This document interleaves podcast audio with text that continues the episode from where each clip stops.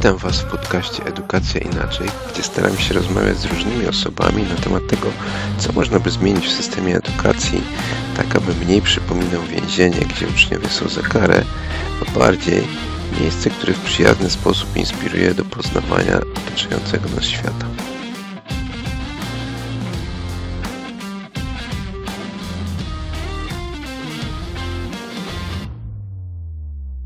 Cześć.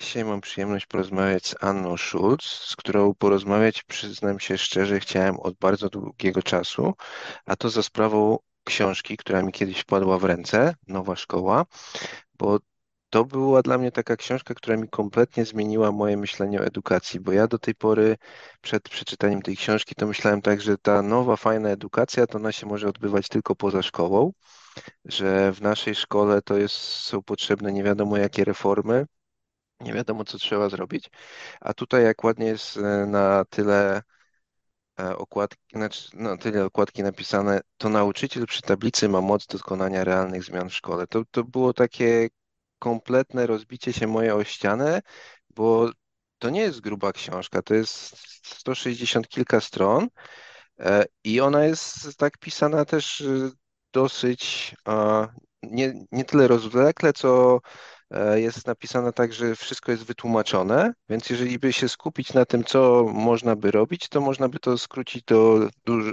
dużo, zwięźlej, e, zwię, e, bardziej zwięzłej formy.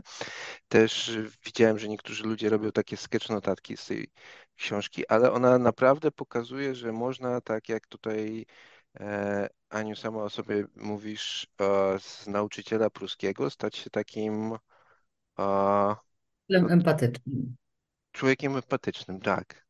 I A, nauczycielem empatycznym, tak. a jak, jak, jak oceniasz ten, ten, ten czas po wydaniu tej książki? Bo ta książka już trochę jest na rynku. Pięć Jej lat. Pięć lat. Zmieni, zmieniło się mocno twoje, twoje życie przez te pięć lat? Bardzo i dlatego mm, książka już nakład się wyczerpał. Będzie wznawiana ta część pierwsza i będzie pisana część druga. O, Przy czym pierwsza będzie uzupełniana właśnie o te pięć lat. I właściwie to mogę powiedzieć, że najwięcej zdarzyło się od czasu, kiedy książka była wydana. I dlatego będzie zmiana tytułu, a właściwie podtytułu. Bo powiedziałeś, że jest to nowa szkoła, a tam jest bardzo ważny tytuł, że zmianę edukacji warto zacząć przy tablicy. A ja dzisiaj, z perspektywy tych pięciu lat, mogę powiedzieć, że nowa szkoła, zmianę edukacji warto było zacząć przy tablicy. I będę się okej. dzielić y, z kolejnymi czytelnikami, może z tymi samymi, y, w jaki sposób y, tego dokonać, tak faktycznie, bo ta książka pierwsza to jest książka taka spowiedź polskiej nauczycielki, a w ogóle to muszę przyznać, że przez trzy miesiące zastanawiałam się, czy mam ją napisać, bo kiedy mi wydawnictwo zaproponowało napisanie książki, to ja się wszystkiego spodziewałam, ale na pewno nie tego, że ja mam pisać książki, ja jestem od matematyki. I, I szczerze mówiąc, ponieważ już mam dorosłe dzieci, to decyzja była taka konsultowana. I te dzieci mi też mówią, że ja mam dużo zajęć, że właściwie to trochę czasu zajmuje. Ja rok pisałam tę książkę, bo to się takie trzy książki pisze, żeby ta jedna wyszła. Ale zależało mi na to, żeby to była książka szczera, żeby ta książka pokazywała taką prawdziwą twarz osoby, która absolutnie samodzielnie, absolutnie kierując się własną intuicją i już doświadczeniem ponad właściwie 20-letniego stażu nauczycielki i też mamy trojga dorastających wtedy dzieci, właśnie dorosłych już wtedy dzieci. Wtedy, kiedy zaczynałam zmiany, to dzieci były nastolatkami. Jak pisałam książkę, że były dorosłe. Y, I, I zastanawialiśmy się wszyscy właściwie, co ja mam zrobić i po co to, bo ja sądziłam, kiedy podejmowałam te kroki, że ja to robię dla siebie, dla własnych uczniów. Ja nie sądziłam, że to, co robię, się komuś przyda, że to kogoś będzie jeszcze interesowało. I właśnie te pięć lat, które mijają od czasu, kiedy książka mm, ujrzała światło dzienne, było takim już dużym przyspieszeniem, szczególnie w bardzo ważnej kwestii, w kwestii oceniania, która dzisiaj budzi dużo kontrowersji, dużo niepokoju, co jest zrozumiałe. I dopiszę jeden jeszcze rozdział, uzupełnię ten czas tego, tego okresu od wydania książki. Y, Natomiast już ta następna książka będzie y, troszkę mm, inaczej wyglądała, bo wtedy, kiedy pisałam książkę, to jeszcze nie, wszystko, nie wszystkiego byłam pewna tak naprawdę. Ja tu dużo piszę o swoich nastrojach, o swoich niepewnościach, że ja naprawdę kilka nocy nie przespałam, może więcej niż kilka, bo zawsze miałam takie poczucie, że bardzo dużą na siebie biorę odpowiedzialność za to, w jaki sposób konsekwencje moich pomysłów zniosą i jakie skutki przyniosą to moim uczniom. Natomiast dzisiaj jest tyle, tyle osób, że jest się od kogo uczyć, jest się z kim konsultować, jest się z kim spotkać i o tym porozmawiać. I najczęściej słyszę, i ja też tak mówię, to normalne, to jest oczywiste. Nikt do tej reformy nie jest przygotowany, nikt reformy odgórnie nie przeprowadzi, tego jestem też pewna. Więc jedyną drogą, ale to jest taka droga jak budowanie śnieżnej kuli, od maleńkiej kuli, i żeby to wszystko nastąpiło, to trzeba dużego wysiłku. Nigdy nie zakładałam, że w takim kierunku mam pójść. Zakładałam tylko tyle, że mój ulubiony, ukochany zawód nauczycielki muszę wykonywać najlepiej, jak potrafię. Z troski o moich uczniów, ale też z troski o siebie, bo lubię mieć z tego, co robię, satysfakcję. Mhm. To, to jest bardzo fajne, co, co tutaj poruszyłaś, że miałaś nieprzespane noce przez te konsekwencje. Bo mi się przez, wydaje... przez obawy przed, przed mhm. że po prostu, że to nie, nie wyjdzie, no bo jeżeli ja zmieniam mm, w szkole systemowej bardzo liczne klasy, mamy w tej chwili 36-osobowe, wcześniej, wcześniej było tak 20, 32, 28 tych, w tych granicach, to zawsze jest to grupa osób, którą zaskakiwałam pewno pod jakimś tam względem, chociaż ja to robiłam bardzo mm, ostrożnie, robiłam bardzo dużo badań, bardzo dużo pytań, zawsze dziękowałam uczniom za to, że mi pomagają, ale też mówiłam im, że jest mi o tyle łatwiej ich zrozumieć, że ja teraz jestem sama uczennicą, tylko ja byłam uczennicą samoukiem, bo nikt mi przykładów nie dał. Ja dopiero mniej więcej 7-8 lat temu spotkałam w Łodzi w edukatorium, takim, takiej grupie przez rok jeździliśmy, zorganizowanej przez doktor Żylińską, Marzenę Żylińską i tam zobaczyłam, że oprócz mnie jeszcze jest 30 osób, które podobnie myślą, yy, działają na miarę swoich możliwości i w zakresie, który mogą. I, I to mnie jakby wzmocniło. Zresztą było więcej rzeczy, które mnie po drodze wzmocniło. No i dzisiaj to mogę powiedzieć jako już taki powiedzmy, no po 20 latach praktyki własnej, yy, w wynikach matur, yy, relacji z moimi uczniami, yy, organizacją konferencji, którą już czwartą będę organizować w 2025 roku, mogę powiedzieć, że wszystkiego się spodziewałam, ale nie takiego, nie takiego obrotu sprawy. Mhm, czyli ta kula śnieżna, o której wspominałaś, się już toczy. Toczy się. Toczy się na pewno i to można każdy poczuć, bo wtedy, kiedy ja się uczyłam, kiedy ja w ogóle nie wiedziałam, czego mam się uczyć, to było tylko wszystko na zasadzie takiego, y, na zasadzie właśnie słuchania się intuicji, to ja za wszystko, co, co, czego się chciałam uczyć, to musiałam zapłacić czasem i rodziny i swojego odpoczynku, bo jeździłam y, po różnych miastach i po różnych konferencjach i po różnych y, spotkaniach. Teraz są webinary. Teraz można się spotkać na Zoomie, a właściwie jak kogoś interesuje jakiś temat i ma kogoś, kto mu dobrze doradzi, to naprawdę w swoim czasie, w swoim tempie może się uczyć, bo jest teraz tego dużo. No właśnie, to jest taki temat, który chciałem gdzieś tutaj poruszyć i mo może nie na początku naszej rozmowy, ale on się przy, przewinął już dwa razy, bo e, jedna rzecz to jest to, że wspomniałeś, że ta książka już jest wydana 5 lat temu. E, między tym czasem się wydarzyła nam pandemia e, z nauczaniem zdalnym. E, mhm. To przyniosło też pewien, pewien rozwój, powiedziałbym, nawet niespotykane. Ma swoje plusy i minusy. Naprawdę y, można powiedzieć paradoksalnie, że do wielu rzeczy się przyczyniła również kwestii moich zmian. Mhm. Na, na, na pozytywną, pozytywnej jakby wersji. A chciałabyś rozwinąć to? W, w jaki sposób pozytywnie się? Tak, dlatego że y, wtedy, kiedy moja książka y, wyszła, to był kwiecień 2000, 2019 roku, zbiegło to się ze strajkami nauczycieli. I szczerze powiem, Zastanawiałam się trzy miesiące, czy mam książkę pisać, a jak ją napisałam i ona ujrzała światło dzienne, to pomyślałam sobie, nie, był to dobry, nie była to dobra decyzja. Dlaczego? Dlatego, że wtedy, kiedy moje koleżanki i koledzy, ja sobie bardzo cenię y, ludzi, którzy, w ogóle ludzi szanuję, ale też, którym pracuję. Dla mnie to, że ja coś robię, to ja nie oczekuję, że ktoś musi robić to samo i tego nie wymagam, ale jeżeli ktoś potrzebuje, to się tym dzielę. Na zasadzie takiej, jak chcesz, to proszę bardzo. to y, ja to sobie tak sama jakoś tak, sama sobie to wymyśliłam i umyśliłam. I się bardzo źle czułam w tych mm, okresie tego strajku, ponieważ ja napisałam w mojej książce, że zmianę edukacji warto zacząć przy tablicy, a na pierwszych tam stronach napisane jest począwszy od siebie. A ludzie strajkowali nie po to, żeby od siebie coś zaczynać, tylko żeby ktoś się zainteresował sprawami edukacji. I to było takie, y, takie dla mnie, naprawdę to nie dawało mi takiej satysfakcji, takiej przyjemności, bo chyba nie każdy książkę pisze, więc jest to jakaś, y, no co, jest to jakaś rzecz, która może człowieka cieszyć. A ja się tak jakoś trochę mniej cieszyłam przez to, że miałam wrażenie, że jestem niekoleżeńska. Natomiast wtedy, kiedy ta pandemia przyszła i kiedy pamiętam, że to była środa, myśmy przyszli do szkoły i dyrektor mówi, że w czwartek się spotkamy rano i ustalimy, jak i co będziemy robić, bo nikt nie miał pomysłu o takich rzeczach, że będziemy pracować zdalnie, tylko czekaliśmy na jakieś wytyczne.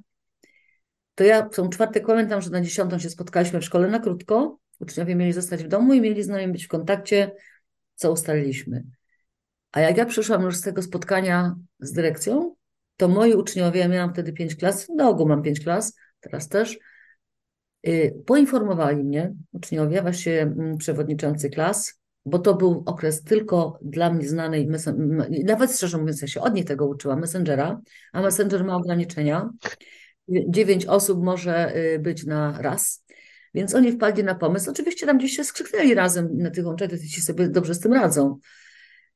I ustalili, że stworzyli grupę liderów w każdej klasie.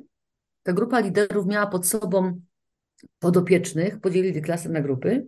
I moja rola polegała na tym, że ja, oni mi to po prostu wymyślili, że ja mam się spotkać z liderami, mam im wytłumaczyć, a oni będą swoim koleżankom i kolegom w tych grupach mniejszych im to tłumaczyć i jak będzie potrzeba, to tam będzie zawsze rezerwa jednej osoby, że ja będę mogła dołączyć. Nawet nie było wtedy lekcji, jeszcze planu, tylko tak po prostu tak sobie ustaliliśmy. Nic nie mieliśmy do innego do roboty, siedzieliśmy w domu, trzeba było po prostu jakoś to organizować. I to było dla mnie takie wow. I dlatego już wtedy powiedziałam, warto jednak było. Ja też zbieram szczękę z podłogi. E, a czy to się przelało też na inne przedmioty? Jeżeli oni się tak dobrze zorganizowali z, te, z tobą, to w innych przedmiotach też, czy tam nie znaczy, bardzo? Ja powiem tak. Ja y, nie rozmawiam z uczniami na temat innych przedmiotów, mhm. natomiast wiem o tym, że w mojej szkole my siebie wzajemnie bardzo wspieramy. I jak ktokolwiek potrzebuje pomocy i wsparcia, to jesteśmy do sobie do dyspozycji. I ja nie chcę wyrażać takiej, takiego zdania, czy też tak było, bo ja się nikogo nie pytałam, natomiast myśmy się szybko ogarnęli. No moja szkoła należy do szkół, która osiąga bardzo dobre wyniki i my się nie chwalimy naszymi y, rankingami, naszymi wynikami, dlatego że dla nas nie jest ważny y, średni wynik zdania matury, tylko dla nas jest ważny EWD, czyli edukacyjny przyrost y, wiedzy. A tutaj ostatnio dlatego mówię, bo po pewnym incydencie w czasie spotkania z Marzeną Dzielińską wypowiedzieli się moi dyrektorzy, pewno widziałeś na Facebooku. Mm, Moja... Minęło mi akurat. Nie, nie, no to jak sobie zajrzysz na, do mnie, tam będziesz widział, mm, że my mamy 84% w szkole uczniów osiąga wyższe wyniki aniżeli y, przychodząc do szkoły po egzaminie ósmoklasisty. Okay. No w tej chwili ósmoklasisty przedtem gimnazjalnym. I to jest bardzo istotne. I przede wszystkim ja się bardzo nie mogę nadziwić temu, jak można tak zdeformować edukację, żeby miarą sukcesu ucznia w Polsce był średni wynik na maturze czy na jakimś egzaminie. To się bardzo łatwo liczy, to się bardzo łatwo porównuje, ale to są potrzeby dorosłych, nie wiem do czego, co im dają te potrzeby, bo ja nie uważam, ja od bardzo wielu lat nie używałam średnich żadnych. Zawsze mówiłam, moi uczniowie są wszyscy bardzo dobrzy i dobrzy, tylko nie wszyscy w tym samym czasie. Natomiast sytuacja, kiedy uczeń przychodzi do szkoły i ma 7%, bo takich mam na pewno wiele przypadków, nie tylko ja, tylko w mojej szkole, my to liczymy po prostu. 7% wyniku na maturze, y, przepraszam, na y, egzaminie ósmoklasisty z tej matematyki, a kończy szkołę z wynikiem 42% na maturze i jest studentem prawa, to to jest nasz sukces. Mhm. I dlatego, yy, I dlatego to są rzeczy, które mm, są wielką przeszkodą. Tutaj myślę, że będziemy o tym jeszcze rozmawiać, ale mam na to pomysły. Chciałabym, żeby ktoś to usłyszał, ale też i mówię o tym. I mówiłam to, kiedy byłam w Sejmie zaproszona. Mówię to do profesor Joanny Mytnik, która jest szefową takiego Centrum Nowoczesnej Edukacji na Politechnice Gdańskiej, która robi naprawdę niesamowite rzeczy. Y, wczoraj było spotkanie, bardzo polecam mm, w ogóle prześledzić te, te nagrania, bo to wszystko jest publikowane. Jest to nadzieja właśnie, że coraz więcej tych osób jest, my się sieciujemy, my się wzajemnie inspirujemy i to są rzeczy, które pomogą, mam nadzieję, tę trudną sprawę rozwiązać, jaką jest potrzeba zmian w polskiej szkole. Natomiast jak powiedziałam, my się nie rozliczamy wzajemnie jako koleżeństwo, my się wspieramy i jakoś to poszło. Natomiast dla mnie ta wersja, która była, była niesamowita. Ja na pewno bym nie ogarnęła tego tematu w ciągu pierwszego dnia i ja bym tego nie wymyśliła, bo ja nie miałam takiego doświadczenia z, tą, z, tą z tymi platformami. Nie byłam w tym dobrze zorientowana, bo nie miałam takiej potrzeby. Uczniowie mnie przeszkolili. I to był właśnie też dowód na to, że wtedy, kiedy ja jestem uczennicą, bo, bo ciągle jestem uczennicą, ciągle się czegoś uczę, to ja im mówię, o tyle mi jest łatwiej was zrozumieć, że ja też doświadczam tego, czego wy doświadczacie, że czegoś nie wiem, a mam się nauczyć. To, to się często przejawia, jak, jak w internetach tam ciebie śledzę, no, żeby to źle nie zabrzmiało, e, to właśnie mówi, że Obserwuję, tak. tak, że trudno, trudno jest być nau- nauczycielem, żeby e, e, samemu się nie ucząc. To jest, to jest wymóg przede wszystkim prawa, to jest jedna sprawa, a poza tym no właśnie, jeżeli szkoła, która powstała ponad 200 lat temu, przyczyniła się do tego, że teraz jest tak, jak jest na świecie, no duże z niepokoju, to nie szkoła akurat tutaj się przyczyniła, tylko różne zapędy ludzkie, nie wiem skąd się biorące, to jest jakby nie moja bajka i nie mnie to oceniać, to najbardziej bolesne jest to, że ludzie nie widzą tego, że ta szkoła, która dała ten, tego kopa do tego rozwoju, sama z tego nie korzysta. I dlatego ile osób jest takich, którzy skończyli jakieś studia, mieli jakieś swoje profesje, a teraz w dobie tej sztucznej inteligencji takich osób będzie. Trzeba się przebranżowić, trzeba dostosować się, no to, to jest po prostu oczywiste. Natomiast szkoła, ponieważ jest szkoła wymyślona przez dorosłych dla dzieci, to najczęściej dorośli ją jakby programują i oczekują yy, takich działań w szkole, które oni znają. No i to jest powód, który opóźnia, który nie wspiera no ale też drugim powodem jest to, że się niestety nie umiemy komunikować, dlatego ja tutaj już od razu na wstępie powiem, że dla mnie najważniejszym przedmiotem, który powinien być uczony w szkole, to jest umiejętność komunikacji, budowania relacji. Od tego się wszystko zaczyna. To jest dla mnie nie mniej ważne niż matematyka, a może ważniejsze. Bo matematykę ktoś się uczy, albo z niej korzysta, albo nie. Jeśli się nie zrazi, to przynajmniej dobre ma wspomnienia. Natomiast umieć z drugim człowiekiem rozmawiać, używać swoich argumentów, nie krytykować. U mnie nad tablicami wisi takie moje hasło, aby to, co różni, nie dzieliło. Mhm. I na tym to polega, że w szkole, gdzie powinno się tego właśnie uczyć, gdzie potem społeczeństwo będzie asertywne, ale też będzie umiało szanować inność i inne zdanie, w szkole nie. W szkole mam się nauczyć tego, co mi ktoś powiedział i mam się dostosować do klucza odpowiedzi. To są te bolączki, ale tego jest dużo. No właśnie, bo wspomniałaś o tym, że ta szkoła tak trochę wpływa na to, jak wygląda to nasze społeczeństwo. E, no ja bardzo nie wiem, wpływa. Ja nie, tak, tak, tak, ale tak trochę wydawało mi się, że się jednak bronisz przed tym, że to, że to ona jest tutaj tym, tym głównym e, sprawcą e, tego, że mamy problemy, jakie mamy. Ja się chciałem zapytać, czy może miałeś okazję czytać książkę Summer Hill ze wstępem Wojciecha Eichelbergera? Nie. O, bo to, to jest niestety już biały kruk. Ja miałem tego farta, że w pewnym momencie dostałem tą książkę od sąsiadki, która się interesowała takimi tematami. E, potem jak tylko się skumałem, z czym mam do czynienia, to kupiłem tego tyle, ile się dało, bo też była na wyczerpaniu. E, puściłem kilka książek w świat, ale tam był bardzo fajny początek, e, wstęp Wojciecha Eichelbergera, gdzie on tłumaczył, ja nie wiem na ile to jest prawdziwe, ale on mówił, że wszyscy ci ludzie, którzy zakładali jakieś alternatywne edukacje, to oni właśnie patrzyli na wpływ szkoły na społeczeństwo i wręcz przy Summerhillu było powiedziane, że ideą było to, żeby nie pozwolić na, na to, żeby drugi raz wystąpiła wojna światowa. I to było zaczęte przed pierwszą wojną światową. No jak to wyszło, to wiemy, bo ta druga była. Z drugiej strony Summerhill jako szkoła istnieje do teraz, ale też trzeba przyznać, że no, no nie zyskała takiego o, ogólnoświatowego mm, Zainteresowania, tak żeby to się rozszerzyło i, i przeniosło na właściwy grunt, tak? Tak, tak. No, tr trochę jest też szkół demokratycznych. Trzeba też przyznać, że u nas, u nas w Polsce te, też, też działają. W Izraelu to jest chyba do, dosyć mocno e, roz, Tak.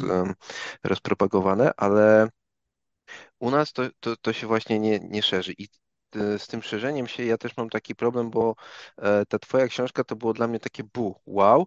I mówię, kurde, teraz się wszystko powinno szybko pozamiatać, bo tam 162 strony, no to trzeba teraz z tego robić te szkolenia, e, plan studiów. Jeszcze odnośnie tej komunikacji, to może wspomnijmy, bo tu mi się żyrafa przewinęła, że tu też mamy NVC, czyli Non-Violent Communication, to porozumienie Mhm. bez przemocy. Prawa.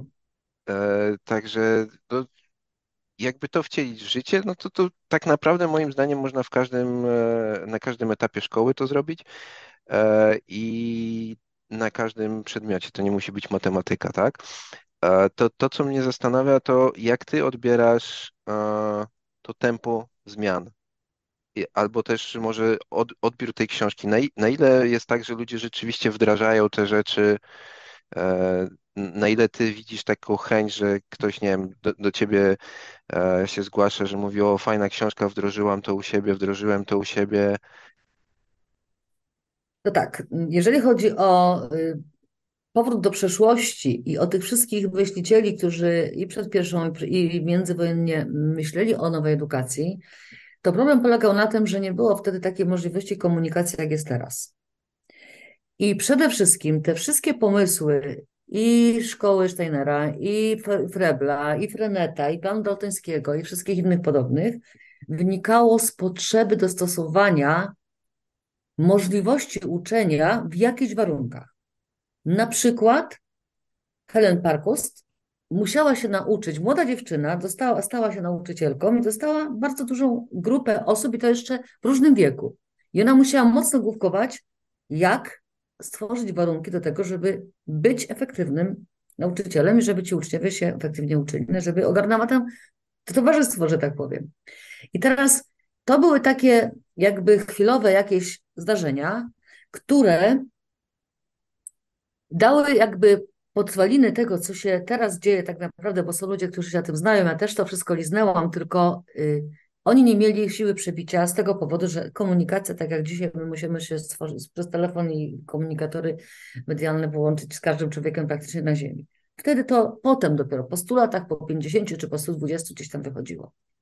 Natomiast dzisiaj jest to, co się dzieje, to jest efekt grzechu zaniechania, że tamtych myślicieli myśmy nie słuchali. Że nikt nie usłyszał tego, co oni powiedzieli. Że to, jakie będzie młodzieży chowanie i kształcenie, takie będzie społeczeństwo. Że to, co w tej chwili mamy, jeżeli chodzi o pokłosie szkoły, szkoły pruskiej, o to, co się w ogóle w ostatnich latach szczególnie zdarza, ta rywalizacja, ten dziki pęd nie wiadomo za czym, ta potrzeba bycia lepszym od innych, ta, ta, ta ocenoza, ta rankingoza i to wszystko, co się z tym wiąże, to to już jest tak daleko w naszych krwiobiegach, czy może w moim nie, że trudno sobie komuś wyobrazić, że może być inaczej. A jeszcze jest druga sprawa. Brak komunikacji i znowu efekty tej, tego braku powodują, że my dorośli się nie potrafimy porozumieć. Dlaczego jest tyle przypadków, że nauczyciel coś chce, widzi, że jest myśl, myślący, mówi, że tak, coś zrobi. Ja tak, takich telefonów dużo odbieram, codziennie przynajmniej kilka. I przychodzi jeden rodzic albo dwoje, albo nakręci resztę, albo zrobi tak, że przyjdzie i powie, a ja tak sobie nie życzę, żeby było moje dziecko uczone, ja chcę mieć stopnie, ponieważ ja wiem, co to znaczy czwórka. On nie wie, ale tak przynajmniej uważa. I to są rzeczy, które nie pomagają, a do tego wszystkiego jeszcze to jest kwestia no, niskiego statutu społecznego nauczycieli. To jest również kwestia właśnie rzeczy, które są jakby okazją do tego, żeby ten status nauczyciela sobie podniósł nauczyciel, który żyje z tego, bo pensje nauczycielskie zawsze miały dużo do, do życzenia i ludzie poszli w takim kierunku, żeby, żeby dorabiać i te korepetycje paradoksalnie stworzyły taki klimat, że ta pani, która uczy w szkole, to tam sobie jakoś uczy, ale jak jest na korepetycjach, to już zupełnie inaczej. I to są rzeczy, które nikomu nie służą, bo właśnie to jest to, co się złożyło na taką wielką, wielką masę krytyczną, że właściwie gdzie by nie dotknąć, to jest to gruby, gruby mur. Nie rozumiemy się, nie porozumiewamy się, uczeń y, nie ma jakby specjalnie nic do powiedzenia, no bo to jest tylko dziecko. Jak będzie dorosły, to będzie umiał swoje walczyć. A co jest ciekawe, że wtedy, kiedy już książkę napisałam, to się dowiedziałam, że ja nie tylko to zrobiłam, no, y, bo tak czułam, ale ja to zrobiłam zgodnie z prawem. I to jest mnie najbardziej niepokoi, że polskie prawo jest najlepsze w Europie, jeśli nie w świecie, jeżeli chodzi o warunki takiej szkoły. Jak się by zapytać nauczyciela, ja to mówię tak z mojej intuicji i z mojego doświadczenia z rozmów z nauczycielami, jak szkole nauczycieli i rozmawiam z nimi, i się zapytasz, czy znasz podstawę programową, to jak myślisz, w jakim zakresie ludzie znają podstawę programową? W zakresie swojego przedmiotu. Ich interesuje, co mają przekazać uczniom. A podstawa programowa, ta ostatnia, jest doskonała. Tam jest kilka i w podstawie szkoły podstawowej, i ponadpodstawowej. Jest tyle treści, które, uz, które jakby uzasadniają zmianę edukacji myślonej, wymyślonej przez to prawo, te, tego prawodawców, że kiedyś, bardzo wiele lat, dziesiątki lat, oceniało się zdobytą wiedzę, w sensie zapamiętanie wiedzy, bo nie było tego, co dzisiaj mamy, takich urządzeń, żeby do, do wiedzy sięgnąć w każdej, każdej chwili z kieszeni telefonu czy z komputera. A do tego wszystkiego problem polega na tym, że te metody zostały jeszcze, a nie wie się o tym, co jest najistotniejsze, że dzisiaj według prawa obowiązującego w Polsce, oprócz tego, że nauczyciele się mają uczyć, to jest nakazowe, nakazowe to jeszcze należy oceniać wiedzę i umiejętności. I to wszystko jest bardzo dobrze opisane w preambule. Natomiast nigdy nie, nie wiem, czy takie badania były przeprowadzone. Ja z mojego jakby doświadczenia i kontaktu z ludźmi, dużo mam tych kontaktów, twierdzę, że większość nauczycieli o tym nie wie. I jeszcze jest jedna sprawa. Sprawa polityczna. Sprawa, bo dużo osób by chciało, żeby niech mi rząd zapewni, niech mi powie, co mam zrobić, to będę robił. No to też jest z kolei grzech zaniechania tego, że nauczyciel nie jest osobą kreatywną. Nauczyciel ma podręcznik, ma program i realizuje program. Dlaczego tak jest? Bo ma instytucje, które go z tego rozliczają. I jeżeli ja się oglądam i przychodzi ktoś i mi się pyta, czy mam pisane tematy, czy zrealizowałam, to czy ja bym dyskutowała temat, co to znaczy zrealizowałam. To jest jeszcze inna sprawa, co ja wiem, co, co zostało w głowie tego ucznia, każdego po kolei zresztą. Ale jeżeli ja mam taką informację od tego z zewnątrz, kogoś, to ja się odwracam, nie wiesz co uczeń, znaczy ja tak nie mówię w tej chwili, ja to już rozumiem, ale ludzie tylko mnie rozumieją. Wiesz co, mój drogi uczeń, ja muszę tak zrobić, bo mnie z tego będą rozliczać.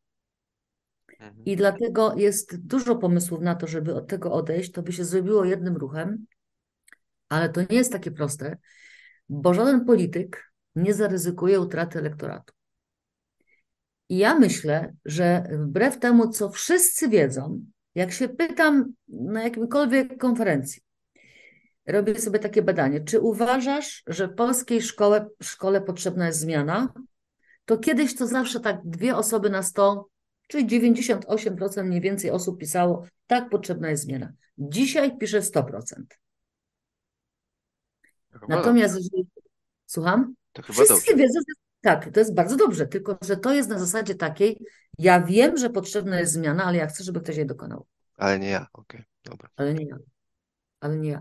I to są rzeczy, które, tylko znowu, żeby to nie zabrzmiało, że ja tutaj krytykuję nauczycieli, że ja tutaj się tak mądruję, że ja to już umiałam zrobić, jak ktoś nie, dlatego ja się chętnie dzielę. Ja naprawdę sam statut nie umarł, pisaliśmy dwa lata i do, do, do dzisiaj, bo dzisiaj już jest, wyszedł z drukarni, tylko tak, dlatego, może, że... Może wspomnimy, czy, czym to jest, bo ja akurat wiem, ale słuchacze może niekoniecznie będą wiedzieli. Yy, statut nie umarł jest to mm, dziecko którego pomysłodawczynią byłam ja, a wyniknęło to z tego, że ja raz w miesiącu mniej więcej przyjmuję u siebie na wizycie studyjnej nauczycieli z Polski. Robię to y, jakby niekoniecznie najlepiej, najlepiej y, fundują czas moim uczniom, którzy normalnie pracują.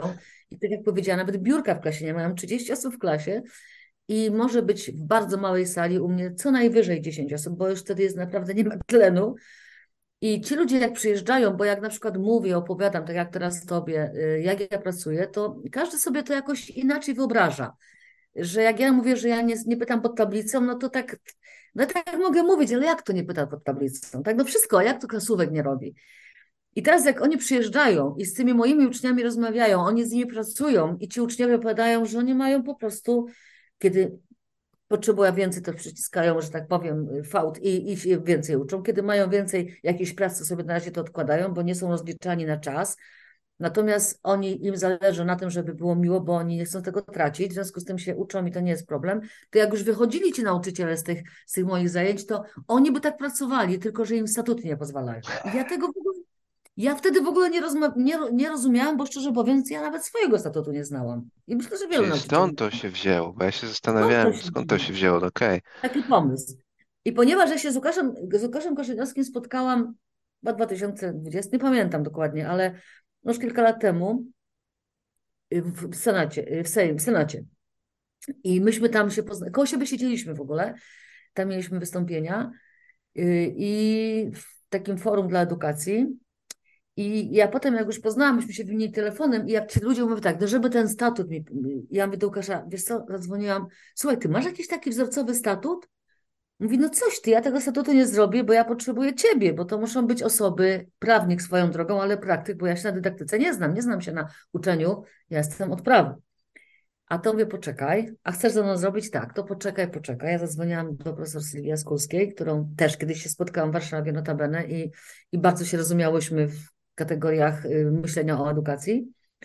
I też się poznałam z doktorem Gabrielą Olszowską, która jest polonistką i jest wykładowczynią prawa oświatowego na tych, na tych y, studiach podyplomowych dla, dla nauczycieli, którzy chcą być dyrektorami.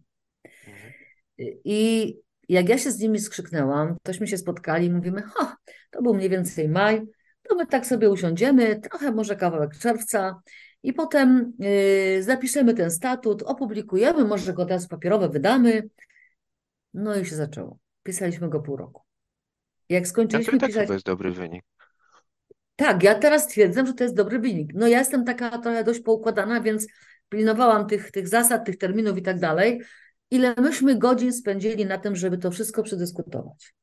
I to było niez, niezwykle ważne, dlatego że jeżeli nawet coś było wątpliwe, nie to, że nie zgadzam się z tym, tylko mam wątpliwość co do tego, to myśmy nad tym go dyskutowali. Dlatego ten statut nieumarły ma 20 stron statutu, a 180 chyba 7, bo jeszcze go w ręku nie miałam w tej chwili, ma y, komentarzy i wszystkiego, co wynika, że myśmy tam to tam zapisali. I teraz to nie o to chodzi, że my uważamy, że zrobiliśmy najlepszy statut. Nawet do tego stopnia jesteśmy krytyczni i powiedziałabym, nie tacy, wiesz, że, że my to zrobiliśmy, patrzcie, no, stać na coś takiego było, tylko jesteśmy pokorni i, i dlatego byśmy się wycofali, co nie było y, faktem, y, faktem jest, że dobrym pomysłem, jeżeli chodzi właśnie o finanse na przykład, bo gdybyśmy te tysiąc sztuk wydali wtedy wyszedł, kiedy pierwszy wyszedł y, w 2020, może w którym roku? W 2021 chyba, listopadzie. Lata temu, tak, w 21 listopadzie. 30 listopada była premiera e-booka. To pomyśleliśmy, to wtedy mniej więcej 6-7 tysięcy by kosztowało wydanie mm, tysiąca egzemplarzy. Dzisiaj kosztuje trzy razy tyle. Ale zastanowiliśmy się przez moment, słuchajcie, pomyślmy o tym, a może my tam, może ktoś nam coś jeszcze powie, może Jesteśmy otwarci. Daliśmy ludziom do przeczytania. Mało tego, myśmy poprzez to, że daliśmy do przeczytania, zdobyli, tam jest bardzo dużą część tego teraz statutu, zajmują recenzje, opinie i patronaty znakomitych ludzi, którzy się na tym znają. I o tyle nam było warto czekać na tym e-booku, że tam się parę takich drobnych jeszcze rzeczy z, z, jakby znalazło, do tego wszystkiego w tym międzyczasie znalazła się sytuacja taka, że dwie sprawy należało uwzględnić ze względu na to, że się tam prawo zmieniło. To już tam Łukasz nad tym Gabrysią popracowali.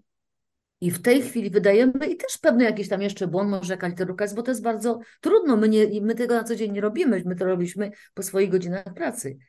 I ten statut jest po to, że on jest, ta, ta wersja papierowa będzie prezentem dla instytucji, dla tych, którzy nas wspierali w sensie merytorycznym i również dla szkół, które chcą sobie z niego korzystać. To jest taki prezent, bo tak naprawdę najlepiej można go już dziś pobrać ze strony wydania drugiego, bo jest statut pierwszy, ale to jest wydanie drugie. Jak będzie trzeba, to Ci wyślę później y, link. Znajdę, znajdę i będzie w notatkach do Tak, odcinka. i, i to jest tak, że po to tak jest zrobione, że my dajemy taką kanwę do edycji i każdy może, zresztą musi nawet, dlatego że każda szkoła ma swoją nazwę, są szkoły dwujęzyczne, mają warsztaty, mają jakieś świetlice, jakieś tam warunki, kwestii na przykład opieki dla osób z niepełnosprawnością. No to są takie specyfiki danej szkoły, chociażby nawet te pieczątki, to wszystko tam trzeba w tych statutach wszystko umieścić. I to jest po to, żeby nawet tego nikt nie przepisywał, tylko dostaje tą kanwę, bierze sobie na swój komputer, siada komisja jakaś, która już jest do tego, żeby to tam dobudować to, co potrzeba.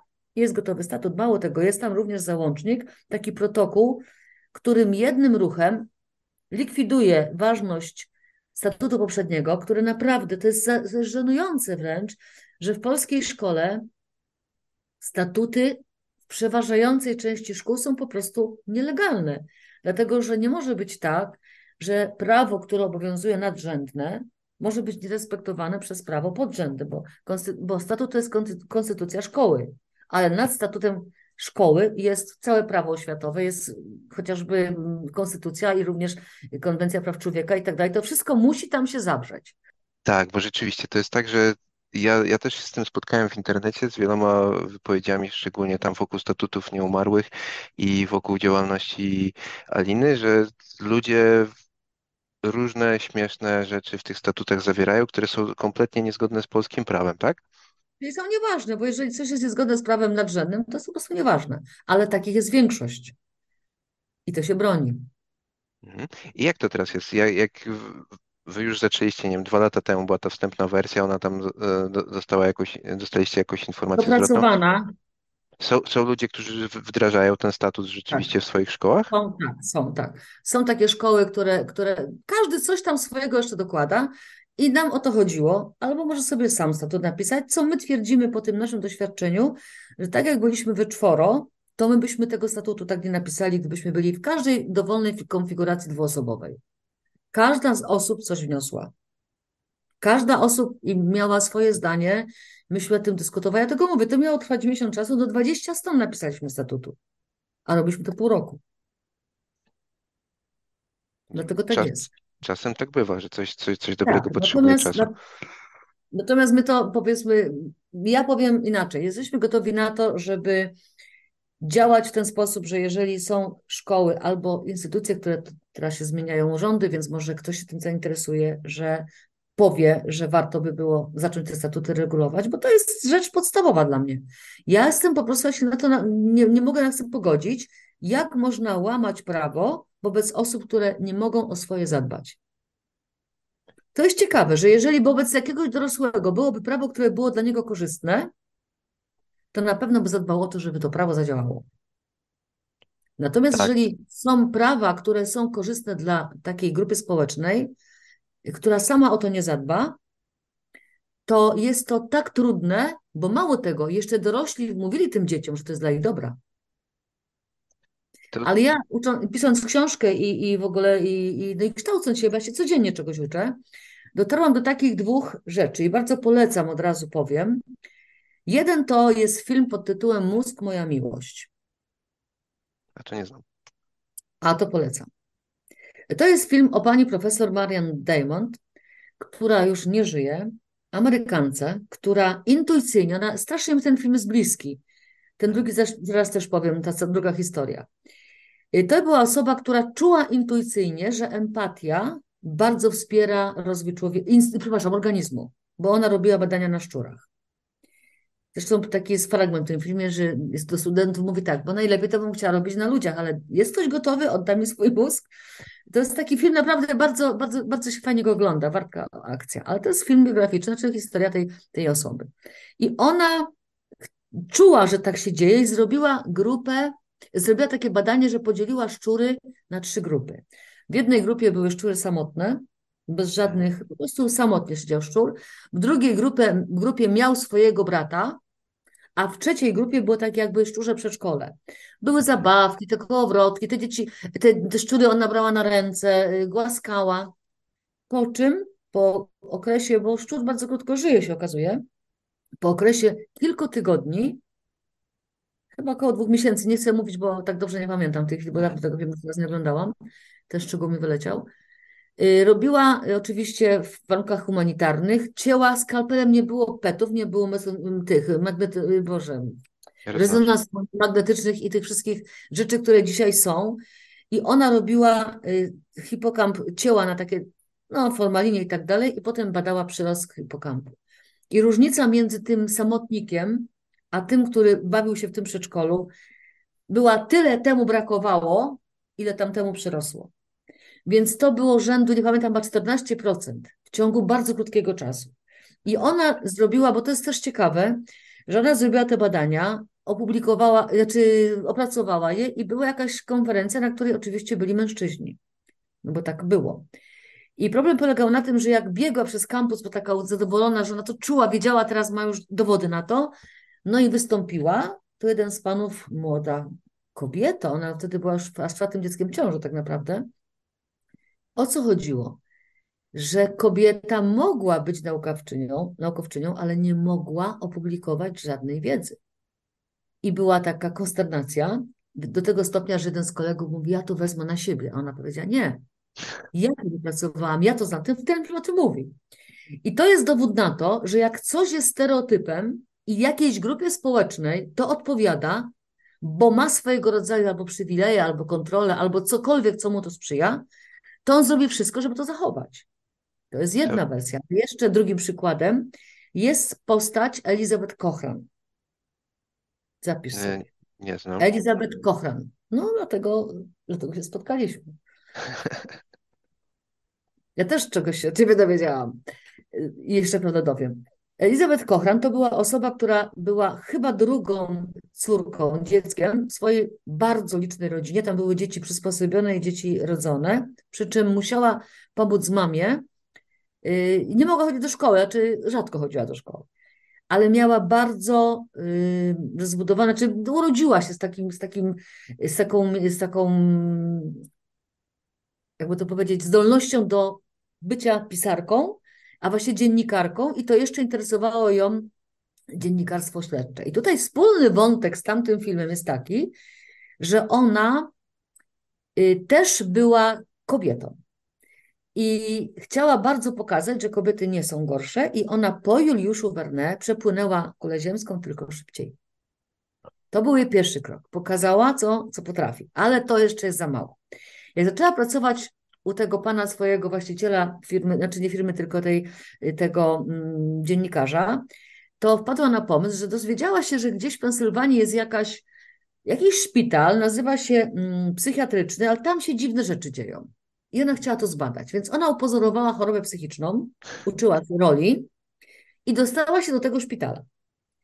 Była tam tydzień i widziała tak, szczury znowu chodzą po tych kobietach, tam były głównie kobiety, znaczy kobiety, które były w takim amoku, to po prostu takie niemoty takie, bo były, wiadomo, jakimiś tam specjalnymi środkami y, faszerowane, jadły zgniłe mięso, a między łóżkami nie było przejścia, bo po prostu tak gęsto to było poukładane wszystko, tak w tych, tych pomieszczeniach. No i okazało się, że to nie były praktycznie głównie kobiety chore psychicznie, tylko kobiety oddalone przez mężczyzn z domu. I jeszcze nie znające języka angielskiego. I jak ona po tygodniu już wszystko sobie zapisała, wszystko zobaczyła, to, to poszła do tych właścicieli tego psychiatryka i mówi, że ona to właściwie jest dziennikarką. I im mądrzej mówiła, tym bardziej ją traktowali jak głupią. I co się okazało, że gdyby nie ten szef jej, nie wiedział o tym jej pomyśle, to nie wiem, czy ona by nie podzieliła losu tych kobiet. Zobacz, ile trzeba pewności i takiego przekonania, że ja mogę coś zrobić dla kogoś, kto sam o sobie nie zadba. I to jest jedna kobieta i druga. I jeszcze to, ta sytuacja, że właśnie były kobietą, dla mnie to jest takie odkrywcze. Wtedy jej pisałam książkę, kiedy to wszystko jakby tak, jak, jak szukałam tej właśnie ulokowania tego wszystkiego, co robię, z tym, co się w ogóle w świecie dzieje, że to mi dało taką informację, to nie jest łatwe. Wszyscy, tak zawsze było, no to co tu zmieniać? A te osoby nigdy by nie, nigdy by nie stworzyły klimatu i w ogóle warunków do tego, żeby powiedzieć, my tu nie jesteśmy traktowani jak trzeba. Mi, I mi dlatego, to... I dlatego to, żeby zmienić taką rzecz jak edukacja, która dotyczy młody, młodzieży, dzieci, jest o tyle trudne, że mając władzę rodzicielską, nauczycielską, przewagę finansową, możliwość utrzymywania kogoś, dawania mu stopnia, daje mi takie poczucie, mnie dorosłemu, dorosłej, o. Wszystko działa? Nie, bo mi się muszę, muszę się podłączyć, przepraszam. A, okej. Okay. Bo, bo, bo, bo mi się zrobiło mało prądu. Spoko. Ale już działa. Dobra. I to jest taka sytuacja, która mi dała do zrozumienia, i to jest też powód, dla którego ja rozumiem te moje koleżanki i kolegów. Wszyscy tak robią, co ja się mam wychylać. Statuty nieważne, a co mnie tam interesuje. Ja wiem, co mam zrobić. Ja już się tego nauczyłam jest na studiach i przez 20-30 lat swojej pracy. Wiem, co mam zrobić. On ma być, siedzieć cicho, słuchać, co mówię, nauczyć się. Różnie to teraz wygląda, bo dzieci czasem opowiadają, moje nierodzone, bo ja mam dzieci dorosłe, ale jakieś tam, no różne osoby, z którymi rozmawiam, sąsiedzi i tak dalej, jak wyglądają te klasówki, o co tu chodzi. Po prostu jest w tej chwili taki problem, że to się tak rozpędziło, że ja się obawiam, albo właściwie mam nadzieję, że to się któregoś dnia po prostu odbije o taką ścianę, że już się nie pozbiera. Ja, temu, ja tego życzę i nie życzę tego nikomu w kategorii złej, bo ludzie nie Mhm. wiedzą, że tak postępując, nie mają satysfakcji z pracy, utrudniają to, co mogłoby im ułatwić sprawę. I to jest rzecz, która jest jedną z większych przeszkód. I dlatego ja cały czas się tutaj za, za jakby mówię i podkreślam to. Nie mówię to przeciwko moim koleżankom i kolegom. Mówię to jako świadoma tego, jak ta edukacja wygląda. Do tego stopnia, że ja naprawdę się niedawno dowiedziałam, że ten model, który my w szkole mamy, głównie w szkołach, to jest model sprzed 200 lat. I on Tak, się to, praktycznie nie zmienił. to, to, to, o czym tutaj opowiadasz, od dłuższego czasu mi się kojarzy z tym, co kiedyś Marcin Styburski tak e, na szkole minimalnej zamieścił dość kontrowersyjny, e, e, kontrowersyjną wypowiedź, że mieliśmy wyzwolenie niewolników, mieliśmy wyzwolenie kobiet, czas na wyzwolenie dzieci. I, i Ale to to rzeczywiście. historycznie ma swoje uzasadnienie. Tak, dokładnie. I, i też to, to, co tutaj mówisz o tych grupach, które mają po prostu władzę. E, I wspomina, wspominałaś o tym wcześniej, że ta, ta średnia, te wyniki z matur, na które patrzymy, e, w książce to też chyba było powiedziane, że wręcz stresujemy dzieci do, do tego, żeby Tak. zdawały te egzaminy. E, To, to Nikomu do mi, niczego niepotrzebne. no Bo studia właśnie, czy, no właśnie, czy za nikomu? chwilę zostaną bez pracy. Tak.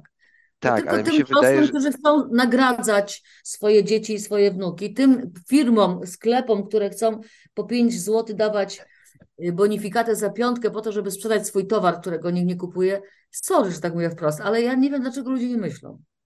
Przecież e, dzisiaj trzeba właśnie spotkać się z uczelniami wyższymi. Asi Mytnik jestem wdzięczna naprawdę za to, jak szczerze o tym mówi i wszyscy inni, którzy się wokół niej gromadzą, bo tam jest 37 uczelni wokół niej się zgromadziło. Oni nazywają rzecz po imieniu. Wystarczy wejść sobie na dydaktyczne poniedziałki, dydaktyczne piątki, ja, ja zamieszczę linka, ja wiem, wiem o czym rozmawiamy, tak. tak? I tam jest, tam są szczere rozmowy. Ludzie się boją, że stracą pracę.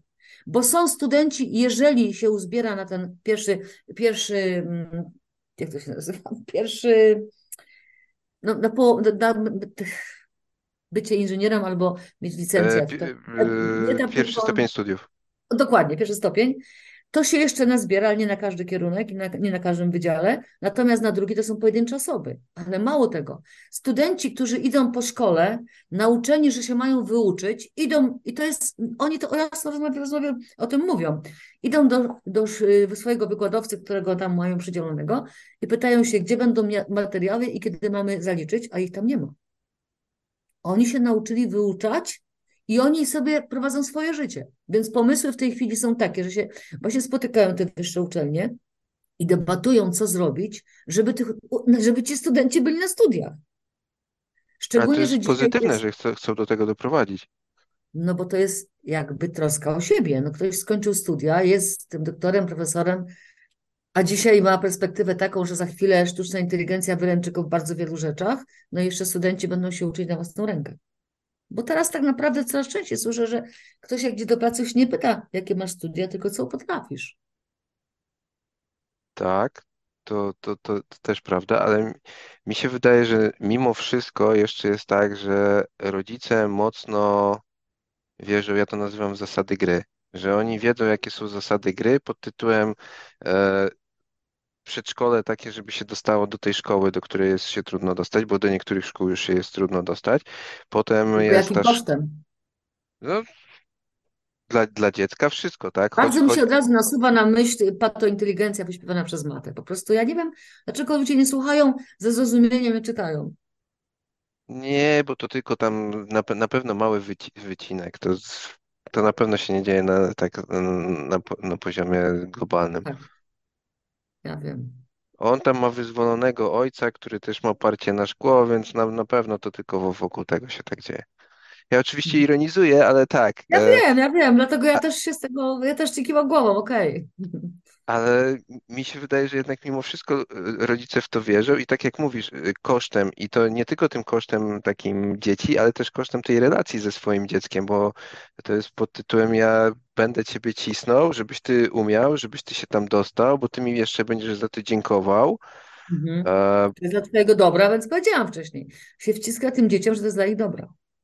Tak, ale z, ale z drugiej strony to jest też tak, że no, to, to jest ta gra, której zasady znam. A teraz załóżmy, wchodzi taki nauczyciel jak ty i mówi, no będziemy zmieniać zasady gry. No to zawsze jest opór przed zmianą. I, i jak to, ja wiem, mniej więcej wiem, e, jak ty kupujesz tych rodziców do zmiany, ale jakbyś mogła tutaj tro, troszeczkę rozwinąć ten temat. Problem polega na tym, że miałam trudno i to do tego roku z jedną rzeczą. Dlatego, że stopnie są wszędzie, również w dzienniku elektronicznym. Ja niestety wtedy, kiedy zaczęłam pracować bez stopni, zgodnie z prawem, miałam, mm, moi uczniowie piszą IPUS, tak zwane, czyli indywidualne plany uczenia się. I ja z nimi pracowałam w ten sposób, że ich informacja zwrotna, moja informacja zwrotna, albo zgoda na ich informację zwrotną jako pracy z błędem przy okazji właśnie popełnienia błędu, była takim czymś, dla, co nie docierało do rodzica. Z tym, że moje drzwi są zawsze otwarte do pracowni i moi rodzice zawsze mogą przyjść i czasem przychodzą. A poza tym, jeżeli byś poszedł do szkoły i twój mama albo tata byś widział, by widział, że ty jesteś zadowolony, że ty się z tymi kolegami spotykasz, że tak naprawdę coś fajnego robicie, że nie na stopień, ale macie w tym przyjemność, to daje jakiegoś takiego y, poczucia bezpieczeństwa, że nie jest źle. No, tym bardziej, że ja mieszkam w Zimskiej Woli, czyli w dużym mieście i pewno mnie wszyscy znają. I gdzieś już po tylu latach już jakby osadziłam się w takiej wersji nauczycielki, która nie stawia stopni, która jest empatyczna. Natomiast problem polega na tym, że nam się mówi, a właściwie my mówimy uczniom, że on ma, jego szczęście zależy od wyniku klasówki, wyniku egzaminu, a to nie jest prawda, to jest kłamstwo.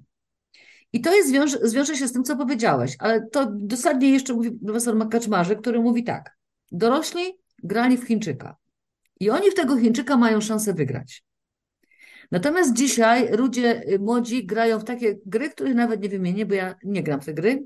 Jakieś krafty, jakieś, tak gdzieś mi się tam obija, nie wiem. I jest ryzyko, że gdybym ja zagrała w taką grę, to na pewno bym przegrała. Bo ja nie znam zasad i nie znam tych wszystkich kruczków. I to jest jakby naturalne, że dorosła osoba chce zachować ten status tej gry w Chińczyka, bo tutaj wie, jej się wydaje przynajmniej, że wie o co chodzi, a nie wie. Dlatego, że ta wiedza, którą ten rodzic posiada i to doświadczenie, które zdobył w swojej szkole, najpewniej w większości przypadków w szkole, która jeszcze nie była oparta o możliwość dostępu do internetu i tego wszystkiego, co się z, tego, z tym wiąże, była szkołą, która nawet jeżeli miała ten pruski model, to nie była tak zwichrowana i taka zniekształcona jak w tej chwili. Ja chodziłam do takiej szkoły, ty chodziłeś do takiej szkoły. Ja miałam czas bawić się z koleżankami na podwórku jako dziecko, później sobie z koleżankami pójść na, yy, gdzieś pójść po szkole, a lekcji tam gdzieś się zrobiło, a potem przyszła ta epidemia testozy, psycho, yy, rankingozy, tego wszystkiego, co testozy i ocynozy. Po to, że te stopnie mają być takim bacikiem, że jak on się nie nauczy, dostanie jedynkę. No ale to jak mówi Marzena Żylińska, jakby tak było, że to jest skuteczne, to najlepiej by się ci uczniowie uczyli, a to, a to nie jest prawda. I problem polega na tym, że rodzice mają ten szablon, według którego rozumieją szkołę, przyłożony na ich wiedzę o tej szkole. Bo od tego czasu, kiedy skończyli szkołę, prawie wszyscy ci, ci rodzice nie wiedzą tego, co się zdarzyło, jako efekt edukacji czyli wiedzy, której wcześniej nie było. Wiedzy neurobiologicznej, wiedzy komunikacyjnej, wiedzy o y, właśnie tym, co wspiera człowieka, a też tym, co go nie wspiera w uczeniu się. Jak się zdarza, ja, ja się aż wstydzę za to, mi jest przykro, że tak jest, że jak ja spotykam się w bardzo różnym środowisku, to jak ktoś słyszy, że ja matematyki uczę, matko, to on, on, on w ogóle sztywnieje, jak można matematykę? Umieć, a w ogóle jeszcze uczyć matematyki. To jest straszne. Ja napisałam to w książce. To jest taka baba jaga polskiej edukacji. A to jest bardzo piękny przedmiot, który daje podwaliny wszystkiemu, co się z tego wynika, co się, czego się człowiek uczy, co z tej matematyki może wynikać jako wnioskowanie, rozumienie, jako, jako y, wystosowanie w życiu. I dopiero kiedy ja mówię moim uczniom, wracam do Twojego pytania, że jak będziesz umiał i lubił mój przedmiot, to egzamin będzie formalnością. Mam na to dowody. Takim ostatnim dowodem to była y, matura tamtego roczna, czyli tych, co absolwentów teraz odeszli. I, moja, I mam klasę teraz naturalną, zresztą mam dwie maturalne w tym roku.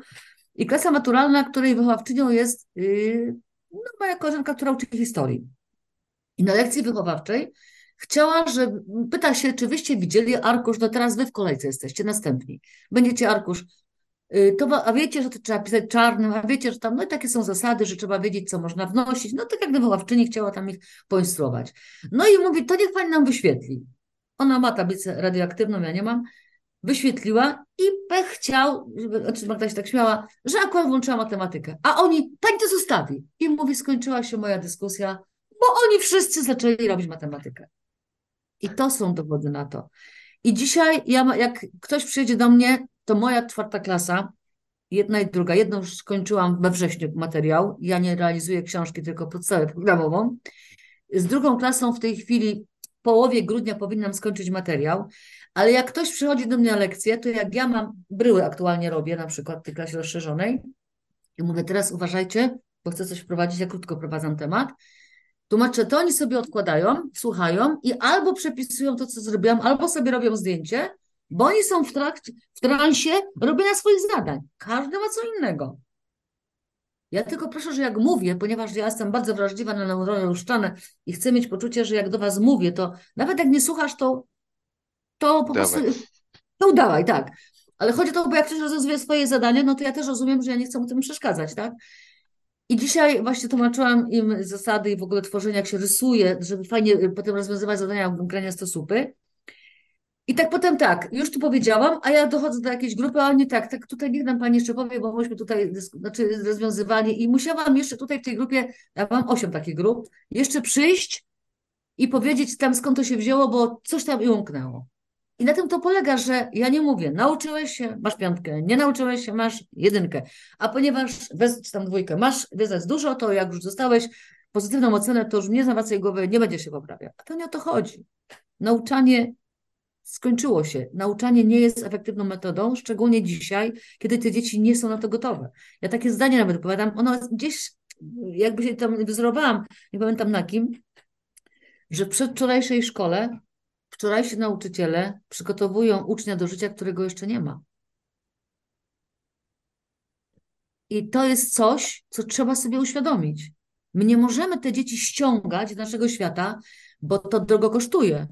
Ja pracuję w szkole bardzo długo, ja nie pamiętam takich czasów, żeby tylu pedagogów, psychologów było potrzebnych w szkołach, żeby było tyle prób samobójczych, żeby było tyle depresji, tyle niepokoju w tych dzieciach. Przecież ja nie pamiętam takiej młodzieży, która chodzi na czarno ubrana, smutna, z jakimiś kolczykami w nosie, tylko po to, żeby identyfikować się z jakimś, z jakimś czymś, co wyrażają jako niepokój, bo ja sama mam niepokój, tylko że ja mam już dużo, dużo lat, więc mnie jest łatwiej to i zrozumieć i jakoś to przyjąć. Ale jak nie wojna, to pandemia, jak nie pandemia, to jakieś polityczne swary, jakieś niepokoje, jakieś dziwne rzeczy, na których się nie ma wpływu, jakieś, no ostatnio przynajmniej ja doświadczam dziwnych raczej prób okradania ludzi. Więc to są rzeczy, które te dzieci nie nastrajają pozytywnie, ale my się każemy im siedzieć spokojnie, uczyć tego, co ja się nauczyłam.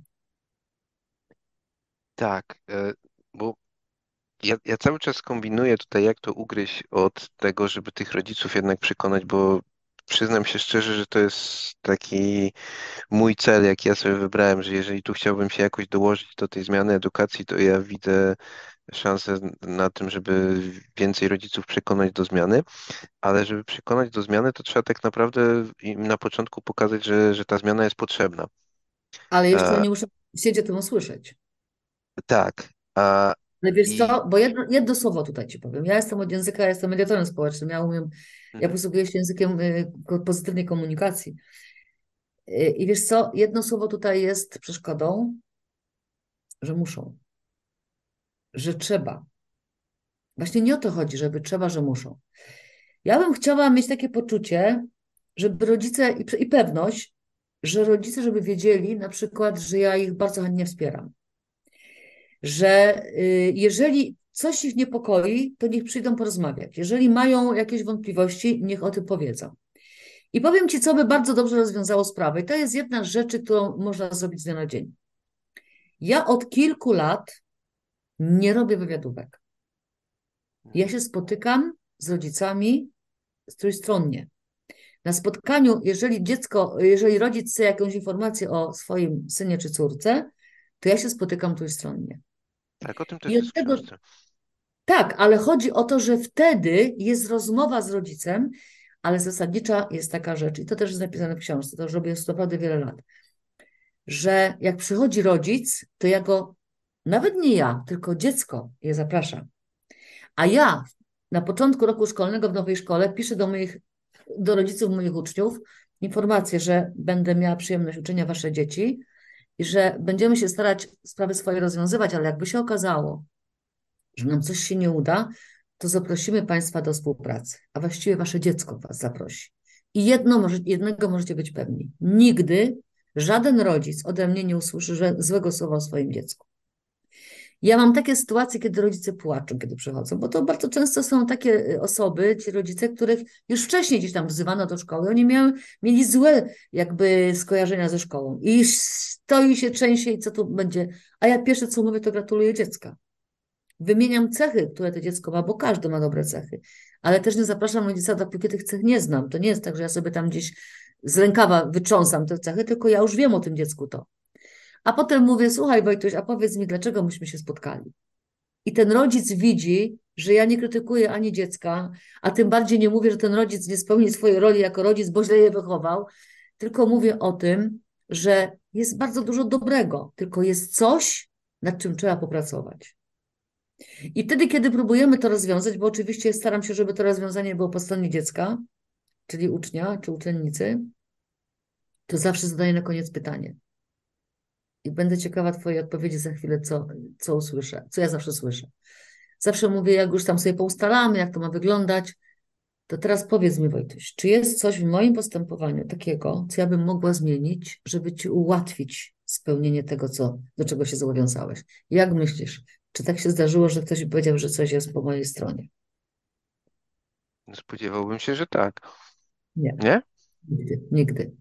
Wtedy mówią, o, pani jest spoko, tylko ja tak się nauczyłem wygłupiać. Albo, wie pani co, ja wiem, że to było bez sensu. Niech pani, niech pani jest taka, jaka pani jest. Naprawdę, nigdy ani raz mi ktoś, żaden uczeń nie powiedział. I powiem więcej. Ja z tych wszystkich spotkań trójstronnych, to ja uczę w tej chwili pięć klas, każda po 35 osób, więc naprawdę duże, duże środowisko mam jakby zasięgu i to co roku yy, tak jest. To z tych wszystkich spotkań trójstronnych to mi się zdarzyło dwa razy do tej pory, że ja się spotkałam z tym rodzicem drugi raz. Ale tylko dlatego, że ten rodzic chciał mi podziękować. Mhm. Jedno spotkanie wystarczy. Jeżeli pójdziesz do, do szkoły swojego dziecka i usłyszysz, że masz fajne dziecko, że jest koleżeńskie na przykład, że jest uczynne, że się uśmiecha. Natomiast jest sprawa, którą warto rozwiązać, a ja się stawiam jako osoba, która życzliwie, raz, że mówię o tej sprawie, a dwa, oferuje swoją pomoc, to jak się czujesz jako rodzic? I tu jest klucz.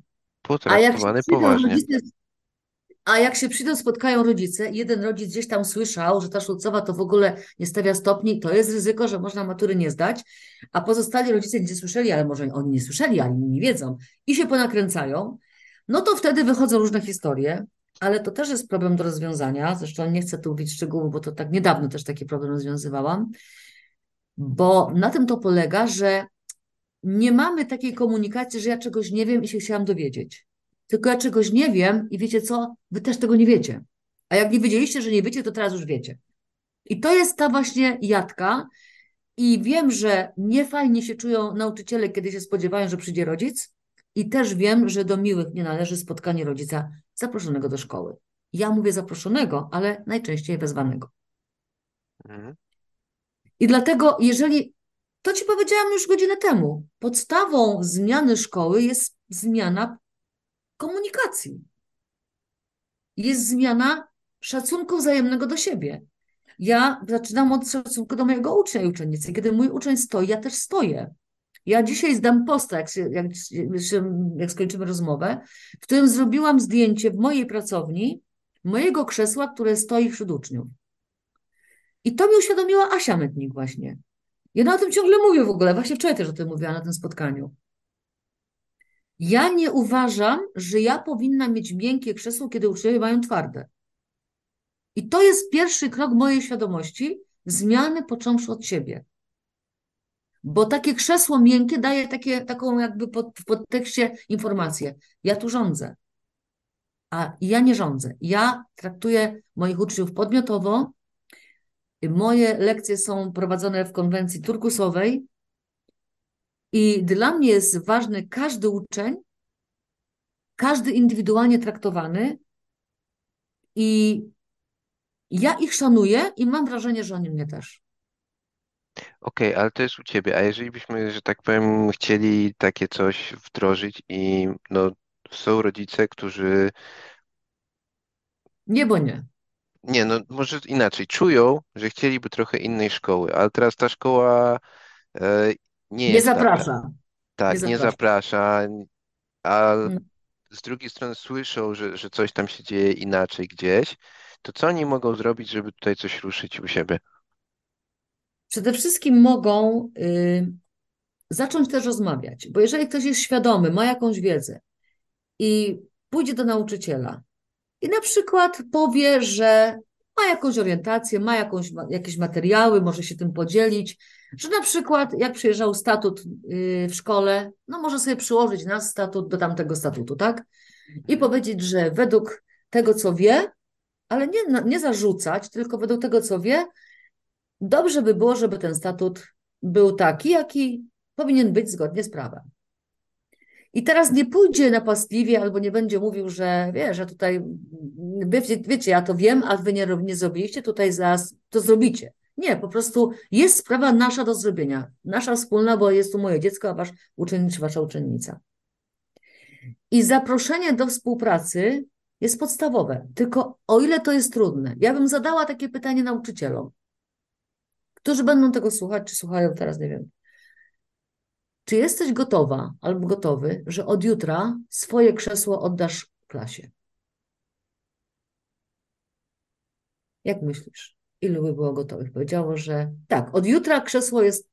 Ja mam taki problem, że tylko panie woźne mi przynoszą to krzesło na moje miejsce, ja muszę rano odstawiać, muszę im to w końcu powiedzieć, bo nieraz y, dzieci same biorą, bo one wiedzą, że mogą brać, natomiast muszę im to powiedzieć, ale to tak yy, mi umyka. Zresztą ja nie siedzę na krzesełku, to jest jeszcze jedna sprawa, ale generalnie ja się źle czuję, gdy ja siedzę na miękkim, a oni na twardym krześle. Jestem przekonana, że to by było pierwsze zdziwienie nauczycieli. I tak samo mówiłabym do rodziców. Czy jesteście Państwo skłonni przyjść do szkoły z takim nastawieniem, robiliśmy co robiliśmy, myśleliśmy o sobie co myśleliśmy, ale jest taki moment, że usiądźmy razem i porozmawiajmy, co zrobić, żeby szkoła się stała miejscem przyjaznym i dla mojego dziecka, i dla Państwa jako miejsca pracy. Mi, mi, mi się to wydaje totalnie, totalnie nierealna taka rozmowa, bo Ale dlaczego tak jest? Bo szkoła tego nie uczyła. Szkoła nie nauczyła rozmowy. Szkoła nauczyła korzystania z, z przywilejów władzy i tego, kto tutaj rządzi. I tym krzesłem tak, tylko, też jest symbolicznie to pokazane. ty- tylko n- nawet jeżeli, jeżeli sobie wyobrazisz, że idziesz tam i rozmawiasz o tym i nawet, no ja zakładam, byłbym nastawiony na to, żeby kompletnie nawet spróbować tam NVC to zrobić, tak? Ale jeżeli ta część odbiorcza jest już nastawiona na takiej zasadzie, przyszedł kolejny petent, który chce tutaj coś ode mnie i jeszcze mi mówi, że mam coś źle w statucie i to jak jak mu tutaj trochę puszczę, albo nie daj Boże się z nim zgodzę, no to potem albo będę miał problemy z dyrektorem, albo z, potem wyciągnie rękę po coś więcej. To, to, ja, ja nie wyobrażam sobie, że, Ja powiem żeby. tak, ja znam przypadki, bo, bo ja mam duże też kontakty z ludźmi w całej Polsce i potem mi czasem jak, jak mam jakieś szkolenie, to opowiadają mi takie historie, nawet nie wiem jakie szkole, ale tak mi się zdarza. Taka przyszła mi na mnie sytuacja. Yy, Jedna z osób, która mi o tym mówiła, jest prawnikiem. I ona, zresztą stąd właśnie, bo potem jak zobaczyła ten statut, to nam tutaj właśnie do nas dotarła przez, przez statut nieumały, przez, przez stowarzyszenie, że właśnie gratuluje, że, że to jest potrzebne, bo ona wie, że w szkole jej dzieci statuty są niedobre. I na przykład była taka sytuacja, że to był jeden przedmiot, jeden nauczyciel, kobieta akurat, i ta kobieta y, miała no bardzo takie y, zachowania, że tak powiem, bruskie. Dzieci miały słuchać, dzieci nie wolno było wyjść i tak dalej. A już teraz słucha, ogląda i wyedukowała się, bo mówi, ja się nie chcę tak tutaj mądrować i powiedzieć, że ja wiem lepiej, tylko ja chciałam się dowiedzieć, jak, jest, jak powinno być naprawdę.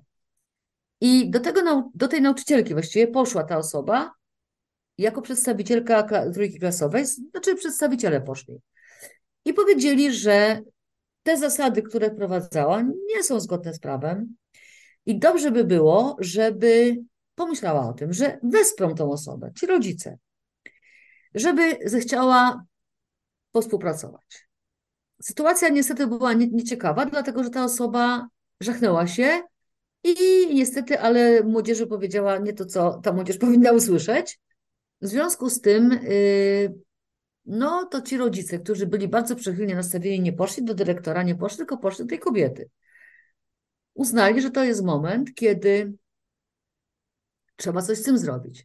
Więc co zrobili? Napisali pismo, bo to była taka rozmowa zwy- zwyczajna. Napisali pismo i poszli do tej osoby i powiedzieli tak, to jest drugi krok. My w tej chwili nie idziemy do dyrekcji, nie, zresztą to się wszystko rozwiązało w tej chwili, dlatego tak spokojnie o tym mówię, a poza tym mówię o kimś, ja nawet nie wiem dokładnie, gdzie ta szkoła jest, tylko wiem, Mhm. że taka, taka sytuacja była miejsce, bo ta osoba powiedziała, że to był sukces jej, znaczy ich, całej tej trójki. I chodziło o to, że wypunktowali dokładnie, co według przepisów prawa, a tak jak mówię, ta osoba jest prawnikiem, więc ona łatwość ma interpretacji prawa, a podpiorła się tym naszym tutaj statutem, że to niezgodne z prawem, to niezgodne z prawem, znaczy nie inaczej. To było napisane w ten sposób, że y, proszę napisać podstawę prawną do takiego, takiego, takiego działania na piśmie. I proszono, żeby ta osoba przyjęła to pismo, bo jeśli nie, no to, to będą inaczej robić. I to dało taki rezultat, że ta osoba zrozumiała, że te osoby nie przyszły atakować, że przyszły ją wesprzeć tak naprawdę. No i po, to nie było takie proste, bo ta osoba też musiała jakby się przepracować to w sobie, ale rzeczywiście w czasie stosownym, bo to dwa tygodnie chyba jest tam na taki czas, jednak się spotkała, zaproponowała spotkanie z tymi rodzicami, jakby uznała, że rzeczywiście skoro mogą się czegoś, może się czegoś nauczyć, to, to chętnie z tego skorzysta. Sprawa się rozwiązała do tego stopnia, że ta osoba, o której mówiłam, stała się opiekunką osoby, tej dziecka, jednego z tych rodziców, co tam byli, I, ta, I ten przedmiot to dziecko nawet zdało na olimpiadzie i dzięki temu tej olimpiadzie dostało się na studia. Czyli rozwiązanie było dla każdego dobre. Tylko trzeba, powiedzmy, nie na zasadzie takiej pyskówki, zarzutów i złego nastawienia, tylko merytorycznie. I dlatego ten nasz statut wydaliśmy, żeby była kanwa do rozmowy. Żeby usiąść i powiedzieć, nie musimy się kłócić, nie musimy się przekonywać do racji, zadbajmy o to, żebyśmy wywiązali z tego, co możemy wspólnie, najlepszą wersję tego, co się może wszystkim przydać. Bo ja powiem jedno i tutaj chcę to podkreślić. Jak ktoś mnie pyta, czego żałuję, czy na przykład żałuję tych 20 lat, kiedy, kiedy nie, nie, inaczej, czego żałuję w tym dwudziestoleciu, w którym pracowałam na zmianach? To ja mówię, że tutaj nie żałuję niczego, bo dzisiaj wiem, że wszystko, co się zdarzyło, takiego mniej czy bardziej, yy, takiego, no, po mojej myśli, służyło temu, gdzie jestem. Ale żałuję każdego dnia, kiedy nie pracowałam tak, jak pracuję dzisiaj. Więc to nie jest proste, to jest naprawdę trudne, ale przy dobrej woli, przy właśnie uczeniu się, bo tu jest problem. Jeżeli rodzice by słuchali takiego wykładu jak wczoraj Asi Mytnik, to ja Cię bardzo zachęcam, żebyś wziął ode mnie albo tam z, z tego, z poniedziałku na Politechnice, wczorajszy półtorej godzinny, tam zresztą też zabierałam głos, yy, wykład na temat, dlaczego w szkole nie jest możliwe uczenie. To jest tak prowokacyjnie trochę napisane, znaczy tytuł podany, to rodzice, którzy chcieliby o tym się dowiedzieć, to prostszych nie ma metody, aniżeli od pani profesor z Wydziału Nowoczesnej Edukacji Politechniki Gdańskiej. No to nie jest ktoś, kto jest tylko powiedzmy, nie wiem, no, nauczycielką w szkole, tylko to są już badania naukowe, to są już, to już jest wiedza Pani profesor jest y, neurobiolożką, w ogóle biolożką z wykształcenia podstawowego. W tej chwili szefuje tej, tej nowoczesnej edukacji i po to ta nowoczesna edukacja jest powołana, żeby nowoczesna edukacja miała y, badania i żeby miała tą, tą konotację naukową. Tak, takich materiałów jest dużo, y, z których rodzice mogliby skorzystać. Tylko pytanie też, e, czy oni chcieliby skorzystać. Ja w przed, przed tym odcinkiem rozmawiałem e, z Leszkiem Olpińskim i on mówił, że w jego odczuciu to jest tak, że niewielu rodzicom tak naprawdę zależy e, na, na, na, na tym, żeby wiedzieć, co tutaj mogłoby być inaczej w edukacji. Im zależy na ocenach. To jest tak. taki wyznacznik, czy, czy dzieci sobie radzą. My tam rozmawialiśmy o tym, że tak naprawdę rodziców do jakiejkolwiek zmiany najłatwiej kupić ocenami. Po prostu zapewnić im, że oceny będą dobre. Wiesz, miał taki pomysł Marcin Stiburski, że y, postawić wszystkim szóstki już by byli zadowoleni. No to też nie było dobrze. Problem polega na tym, że szkoła to nie jest targowisko. To nie jest koncert życzeń, co sobie ktoś życzy. Dlatego ja jestem za tym, że trzeba rodziców rozumieć, trzeba ich edukować, ale trzeba też im powiedzieć, że to my chodzimy do szkoły, szczególnie ci, którzy właśnie się kształcą cały czas, którzy poszukują, którzy mają na to y, argumenty, że tak powiem, tylko papiery, i że to nie może być tak, że o tym, że szkoła się zmieni czy nie zmieni, decydują rodzice. Dlatego, że jak rodzice mają swoją pracę, to ja do pracy do nich nie idę i im nie mówię, co mają, co mają robić. I nie mówię tego złośliwie. Tu chodzi bardziej o to, żeby wzbudzić zaufanie wzajemne, żeby stworzyć taki klimat, że oni mają prawo się obawiać i ja to rozumiem. Natomiast oczekiwanie, że ja mam stawiać stopnie, co nie jest zgodne z prawem, to ja się na to nie zgadzam.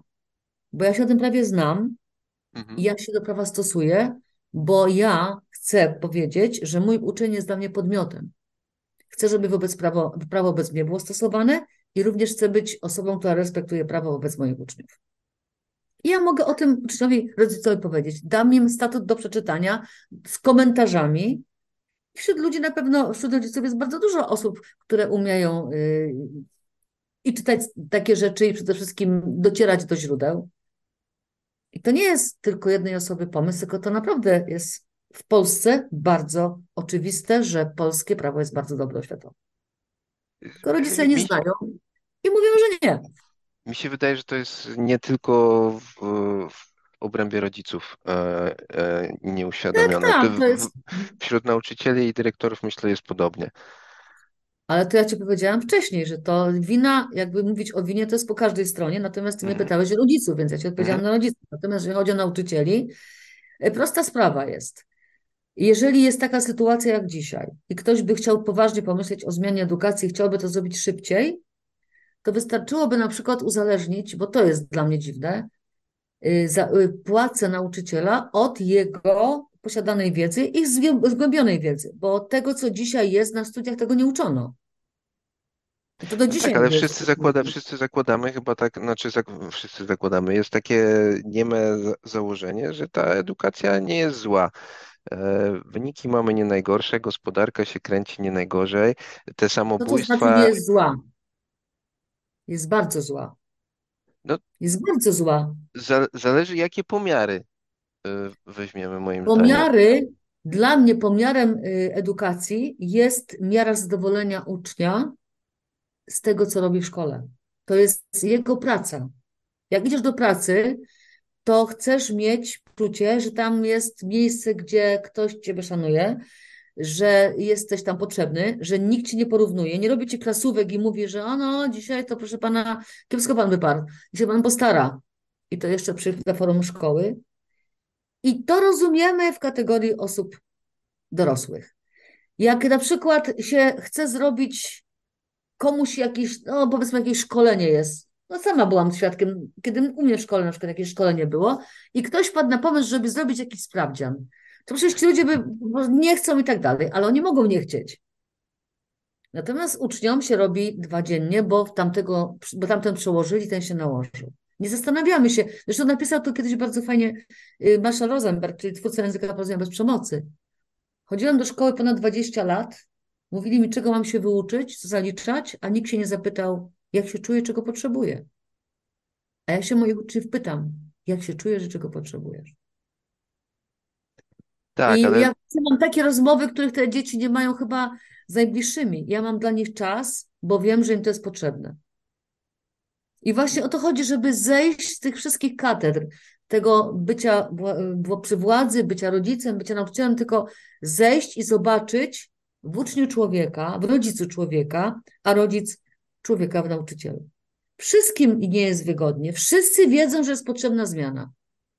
Tylko to ma być za, za takim, o, kliknięciem i to się samo zdarzy. Nie zdarzy się samo. Bo gdyby szkoła miała być zmieniona odgórnie, to musiałby ktoś tak, wypracować jakieś metody, je przetestować, potem je wprowadzić. To by trwało lata, byśmy gonili króliczka. A szkoły tak naprawdę za chwilę nie będzie. Takiej, takiej formuły, jak jest w tej chwili. I to będzie szybciej niż myślimy. Bo ja przede wszystkim też bym się skłaniała w kierunku myślenia o pieniądzach. O tym, że wtedy, kiedy dzisiaj myślimy o szkole, to trzeba by poszukać, co możemy już zrobić, żeby obtanić koszty. Ja, nie, ja się zastanawiam, dlaczego tak jest, że ja mam w dalszym ciągu w każdej klasie tłumaczyć podstawowe rzeczy o równaniach kwadratowych. Ja bym chciała, żeby ten uczeń poszedł sobie w swoim warunkach, przy stole, gdzie chciałby, poczytał, porobił, a do mnie przyszedł, niekoniecznie w formule klasowej, zresztą pastor Szliwerski o tym pisze, żeby uwolnić szkołę od tych klasowych formatów i dopytał się tego, co potrzebuje, żeby to dobrze rozumieć, albo dopytał się, co może zrobić, bo już rozumie, chciałby więcej. Mhm. I to to- jest, To i to jest szkoły. To w fajnym kierunku idzie ta dyskusja, bo ja chciałem o to zahaczyć, bo jak wspominałem o tych technologiach, e, to chciałem jeszcze się Cię zapytać, jak tutaj widzisz te zmiany, które się wydarzyły, mi się wydaje troszeczkę tro, e, Dokładnie rok temu, 30 listopada, to znaczy, co masz inteligencja. No 30 A nie, nie, nie, nie. No, sztuc, sztuczną inteligencją to ja ci powiem szczerze, że sam się jakoś tak mocno nie, nie, nie, nie podniecam tutaj, bo ja to widzę jako po prostu troszeczkę lepszy interfejs do wyszukiwarki Google'a. E, owszem, jest, jest dużo łatwiej Ale pewne wiesz rzeczy to jest tak osiągnąć. samo jak z kalkulatorem swego czasu. Jak poja- pojawiły się kula- kalkulatory, to ja też byłam taka mądra, że to zastąpi myślenie człowieka i nie pozwoliłam uczniom używać kalkulatora. Bo mi się wydawało, że to było coś nowego. Ja pamiętam, ja naprawdę byłam polską nauczycielką. A potem nauczyłam się tego, że jak jest coś nowego, ja to nawet porównuję do alkoholu w sklepie monopolowym, że on tam sobie może stać, tylko ja mam rozum albo go nie mam. I wiem po co jest, i wiem w jaki sposób się na przykład zaopatrzyć w ten alkohol i w jaki sposób, żeby ten alkohol nie stał się sensem mojego życia, a właściwie bezsensem mojego życia i mojej rodziny. I to jest problem. Edukacja, jeszcze raz edukacja. I ta sztuczna inteligencja, to co ona może zrobić, to nie róbmy za nią, bo ona będzie wtedy robiła za nas, bo jeżeli uczniowie będą mieli pisać pracę, to oni chętnie podłożą nauczycielowi pracę i tą pracę ten nauczyciel nie będzie sprawdzał tego, tego ucznia, tylko tej inteligencji, a do tego wszystkiego jeszcze będzie miał taką satysfakcję, że zwyczajnie nauczyciela wykiwał. To nie Ja o to chodzi. ja trochę w innym kierunku chciałem iść, bo ja chciałem iść w kierunku tego, że e, pojawiła się ta szkoła w chmurze, która jest dość innowacyjnym rozwiązaniem na zasadzie takim, że Pracowałam tam pół roku. o, a to nawet nie wiedziałem, e, że, że no mam, mamy taką platformę, która pozwala spotkać się z, czy to można nawet tam wykład jakiś y, pokazać, tak, Mhm. ale jest też to całe egzaminowanie dla edukacji domowej zorganizowane tak, że potencjalnie z każdego miejsca z dostępem do internetu No, i można tak powinno być w szkole. E, Tak, e, jest też ta platforma YouSchool, która jest e, też moim zdaniem dosyć ciekawym rozwiązaniem, bo oni nawiązali współpracę z youtuberami, nawet prosili z tego co kojarzę youtuberów o to, żeby poprawiali niektóre materiały, bo nie do końca się zgadzały z prawdą czy tam z podstawą programową. I oni mają, oni mają filmiki, oni korzystają też z tego, co, co, co nasz kraj zrobił, czyli ten e, zintegrowan, e, zintegrowana Platforma platforma jakaś taka, Ja na też korzystam. na której jak coś chce się znaleźć, to trzeba wiedzieć bardzo dobrze, jak to wyszukać, ale oni to skatalogowali, to jest jakoś tam połączone z, e, z, z, pod, z podziałem na podstawę programową, że można mniej więcej jakoś to zobaczyć. E, Jest też ta możliwość takiego testowania się online. E, Ja to wykorzystuję. Bardzo fajnie. I. Moi uczniowie, właśnie dlatego ja nie mam klasówek, bo moi uczniowie, na przykład dzisiaj, no wspominałam Ci o tym, że robiłam grania stosupy w ciągu jednej lekcji, bo ja już z nimi robiłam zadania y, jakby tego, co wcześniej było można zintegrować, jeżeli chodzi o trygonometrię, o, o figury płaskie. I ja już to wszystko sobie z nim przyrobiłam, a teraz już to tylko kategoryzujemy w kategoriach rodzajów grania stosupu i będą robione zadania. I ja im wtedy wysyłam na przykład link szalonych liczb, powiedzmy, tytuł Mhm, Sprawdzian z grania stosupów. Oni to sobie robią. Oczywiście to jest ich biznes i oni wiedzą, że to on mnie nie oszuka tylko siebie, jeżeli by mnie nie powiedział, znaczy powiedział, że mu 100% wyszło, bo ja, ja mu stopnia nie stawiam, więc nie ma w tym żadnego interesu. I teraz na przykład robi sobie taki, tam jest tam z niby jakby było zamknięte, bo tam jest ABCD, ale to nie da się tak, że y, to nie jest zadanie zamknięte, to trzeba je rozwiązać, żeby, żeby wiedzieć, która mhm, odpowiedź. I, I taki uczeń na przykład pisze 7 na 10. I on to robi na platformie. Ja tego w ogóle nawet nie piszę. A potem otwiera sobie swój test i patrzy, gdzie zrobił błąd. I te zadania przepisuje i pracuje z błędem. I mhm, teraz dla mnie to jest ważne. Oni nie piszą, źle zrobiłem. Dzisiaj w pierwszej klasie tak jeszcze mam na razie, bo oni tak sobie przywalają. Źle zrobiłem, myśl trochę, tak wiesz, tak sobie mhm, piszą. A tu o to chodzi, że tu pamiętaj o ten wzór. Tutaj pamiętaj o takiej zależności. Czytaj ze zrozumieniem też, bo czasem to ja nie widziałam jakiegoś słowa w zdaniu i no i co innego rozwiązał, a szczególnie, że podpowiedzi są takie, które pasują do tych typowych mhm. błędów. I to jest właśnie moja praca z błędem, z platformami. Ja pracuję na platformie, ja książki nigdy nie, nie realizowałam. Ja realizuję podstawę programową, dlatego to wyrabiam się mimo strajków, mimo, mimo pandemii, a oni się sprawdzają w ten sposób i jak już skończymy sobie teraz, mówię już konkretnie o przykładzie grania stosu, bo potem zrobimy ostrosupy, to będziemy robić zadania maturalne.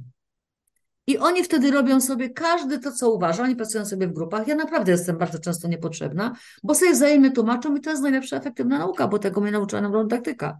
Najwięcej w ruchu, w rozmowie, w ćwiczeniu, manipulują, robią, biorą do bry- bryłę do ręki. Ja im pokazuję bardzo istotne rzeczy, które ja już sobie wypracowałam, jak się rysuje tą bryłę, żeby dobrze potem te zależności widzieć. I to jest przyjemna nauka, 45-minutowa, bo ja nie mam czasu na to, żebym ja miała każdego pytać. Co to znaczy pytać pod tablicą? To znaczy marnotrawić czas. Bo ten, co stoi, to się w ogóle no, poświęcił się, tak? Bo tam stoi, a pozostali, pozostali się cieszą, że na przykład nie oni, albo się martwią, że może być następnym, tak?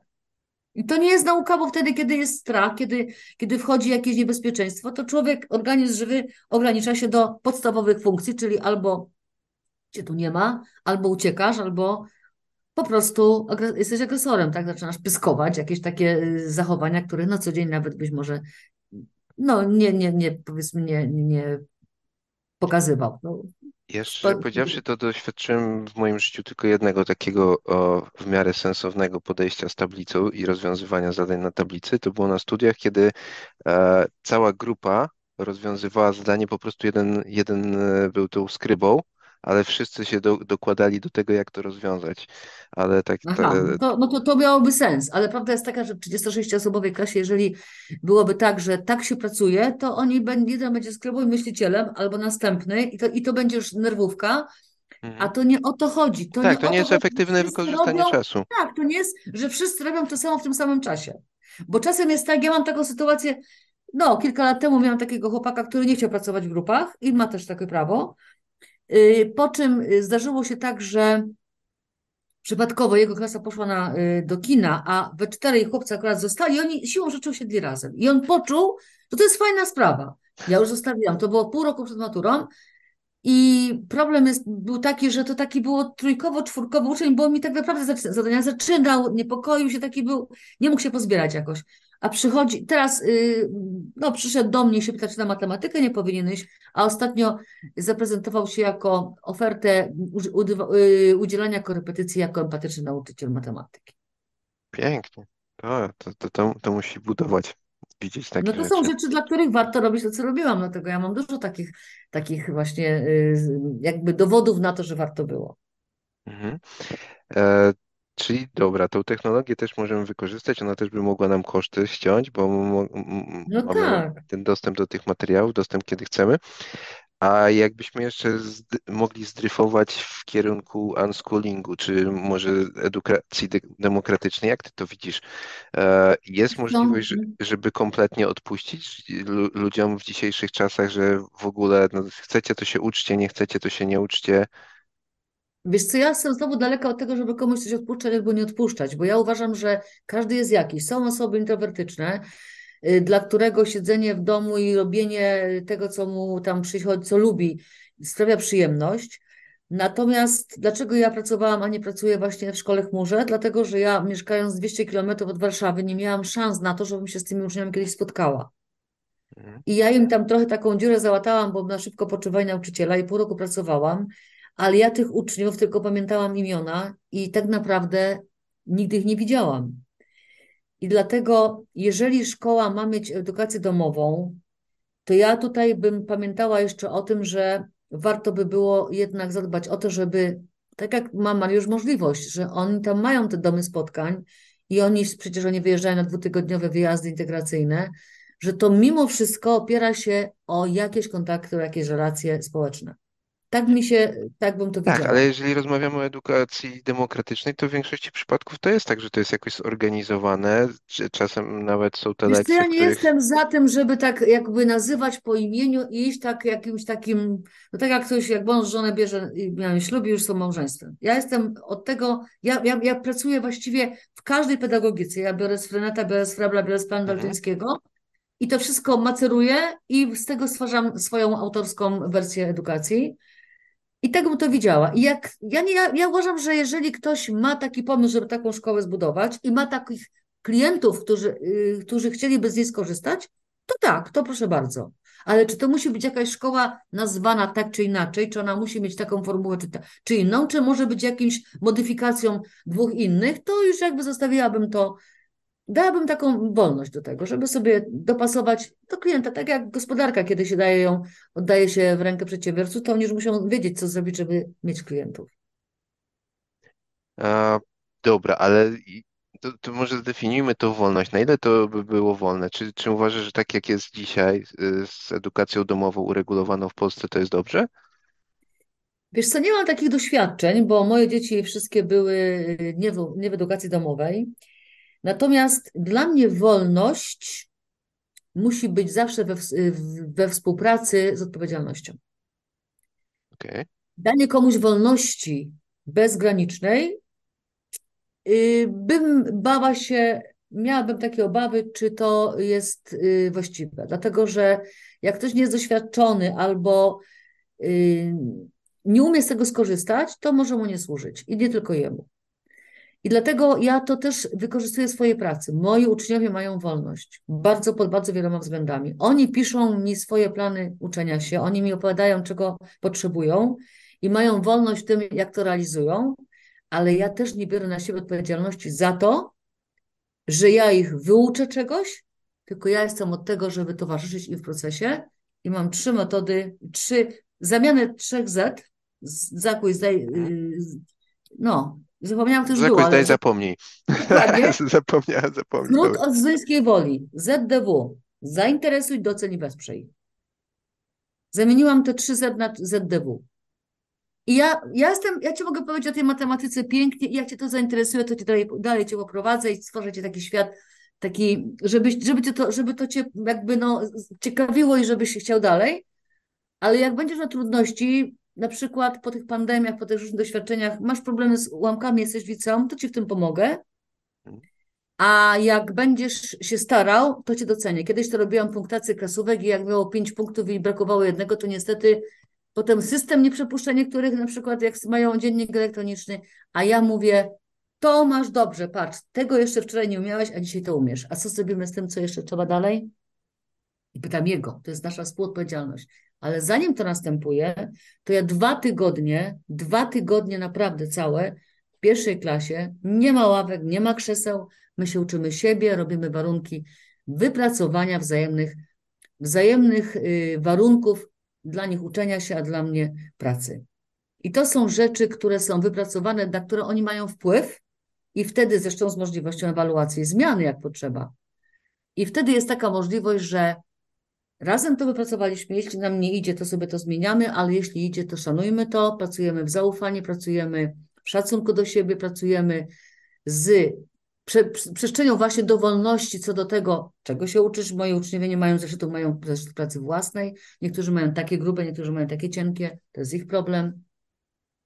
Ja jestem od tego, żeby ich wspierać, żeby ich zainteresować, przede wszystkim doceniać to, co robią. To, to jest znowu bardzo optymistyczne z tymi dwoma tygodniami, co mówisz, poświęconymi na, na naukę siebie i z Ja tym, powiem że więcej.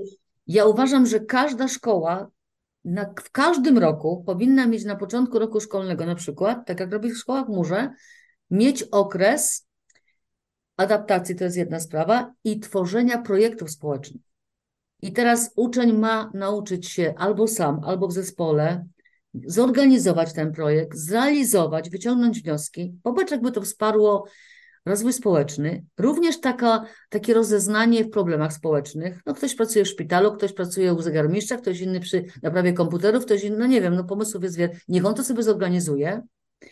Przede wszystkim y, poznałby, że praca to jest praca, to może bardziej by szanował, jak chodzi do szkoły i ma troszeczkę łatwiej, wtedy, kiedy się jeszcze nie pracuje, nie trzeba na ciebie zapracować. Po drugie, ma możliwość sprawdzenia się jako organizator, a jak nie ma jeszcze możliwości takiej, to, to się czegoś nauczy. I wtedy, jak będzie taki projekt zrobiony i będą się wzajemnie organizować, to po pierwsze, fajne relacje też się budują. I wtedy szkoła staje się takim wyjściem na życiowe potrzeby, a nie szkoła odtwarzacz rzeczy, które ktoś kiedyś wymyślił, na takie potrzeby, że uczniowie idą na studia i znowu to mówię ze spotkań z uczelniami wyższymi, którzy narzekają, że po prostu ci uczniowie teraz naprawdę są nieprzygotowani, bo ja widzę, jak przychodzą uczniowie po pandemiczni, po covidowi, po strajkowi, po szkole, kiedy jak pytam się na przykład, no swego czasu, narysujcie układ współrzędnych, a, a, a co to jest? Halo, dobra. No takie, takie dwie dwie osie. A co to? Osie? Okej, okay. takie dwie strzałki. I tak, I tak myślę, zaraz, może coś się pozmieniało w tej podstałówce, może tego nie wiem. Ja mówię, wyście tego nie mieli? Coś tam kiwa głową było. Ja mówię, to miałeś ty? No ja też miałem. A ty? Nie. Jak to nie mieli? No to jak to? To program jest dla wszystkich taki sam. No, układów współrzędnych nie mieliście? To co wyście robili? A chłopak mi mówi, no pani krzyczała, a myśmy sobie w gry grali. No i takie są realia. I teraz jak ja tego nie wezmę pod uwagę i powiem, a co mnie to obchodzi, no to będę miała ja pod górkę, ją pod górkę. Ale jak ja wtedy widzę, że oni tego nie umieją, mówię, dobra. I wytłumaczę, co to jest układ współrzędny. I pokazuję im te punkty, pokazuję, żeby oni, i patrzę, czy oni to umieją, czy oni już tego nauczyli. Na tym to polega. Ja idę za uczniami, a nie i mówię coś, czego się nauczyłam i teraz im powiedziałam, żeby też się tego nauczyli. Ale to ja na uczelni też doświadczyłem e, wyrównawcze takie zajęcia. W momencie, jak się Ale zorientowali, teraz to że wszyscy potrzebują wyrównawcze, naprawdę, prawie wszyscy. wtedy nie było lepiej. E, Okej. E, Tak się zastanawiam tutaj, mm, bo mówiłaś o tym że na, na samym początku, że tej, że odgór, ogór, odgórne przeprowadzenie zmian tutaj nie widzisz, żeby mogło mieć sens. E, może inaczej nie tyle sens. Sens by miał, tylko, tak, tylko możliwości. Tylko możliwości. E, to czego byś, komuś narażą. No. czego byś sobie życzyła? Jakie masz takie nadzieje związane z przyszłością edukacji w Polsce? Mówiliśmy trochę o tym, że, że, że tu w kierunku tego wy, wykorzystania trochę tych technologii, ale co jeszcze? Czułabym, żeby edukacja spełniała swoją rolę społeczną. Żeby kształciła ludzi myślących, kreatywnych, ale przede wszystkim też ludzi empatycznych. Dlatego, że to, co się w tej chwili dzieje, paradoksalnie dotyczy nas wszystkich. I to już widać. Dlatego, jeżeli jest rywalizacja, jeżeli moja koleżanka czy kolega w szkole, w klasie jest moją konkurentką i nauczy się takiego zachowania, żeby być tą najlepszą, to przyjdzie taki moment, kiedy, aha, i jeszcze do tego wszystkiego musi mi się to opłacać, co za to dostanę. To ja się chciałam zapytać, to co będzie kiedyś, kiedy coś za darmo masz dla kogoś zrobić. I tutaj mi się kojarzą słowa Bartoszewskiego bodajże, który powiedział: Nie wszystko, co warto, się opłaca, a nie wszystko się opłaca, co warto. I właśnie ja bym chciała szkoły, która jest szkołą rozwoju człowieka, jego potem, wykorzystania jego potencjału, bez porównań, bez, y, bez tego stopniowania, bez tego etykietowania. Chodzi o szkołę, która będzie wspierała człowieka i będzie doceniała jego potencjał i będzie inwestycją w rozwój społeczny. To jest bardzo ważne. To jest takie coś dziwnego, że jak robimy jakąś inwestycję, budujemy dom, zakładamy firmę, to się spodziewamy im szybciej, tym lepiej, żeby były efekty, żeby ten dom stanął, żeby ta firma przynosiła właściwe zyski. Natomiast edukacja ma tę niestety wadę, że na skutki edukacji albo ich brak trzeba poczekać i niełatwo się je naprawia. Szczególnie jak to jest naprawianie po 200 latach. Mhm. Bo wszystkie zmiany, które były do tej pory, to były zmiany w obrębie pomiarów. Jak porównać, jak pomierzyć, jak docenić, docisnąć. No teraz się słyszy, że będą jakieś trudniejsze egzaminy. Naprawdę, ludzie któregoś dnia przestaną te egzaminy zdawać, bo one są naprawdę niepotrzebne. Zobacz, nie potrzeba zrobić na, w okresu zerowego na studiach. Czy na, na następnym etapie przychodzi taki student, zobaczy, czy to mu pasuje, czy to mu pasuje. Przez dwa tygodnie, dwa miesiące, czy tam nie wiem ile, ale powiedzmy dwa miesiące, robi jakiś projekt, pokazuje się tym wykładowcom. Wykładowcy się przyglądają, on też ma po, pojęcie, czy to jest dla niego. Wykładowcy mają po, pojęcie, czy to jest, czy to właściwa osoba, a jeśli niewłaściwa, to o tym rozmawiają, nie mówiąc mu, że jest gorszy od kogoś, tylko że zastanów się nad tym.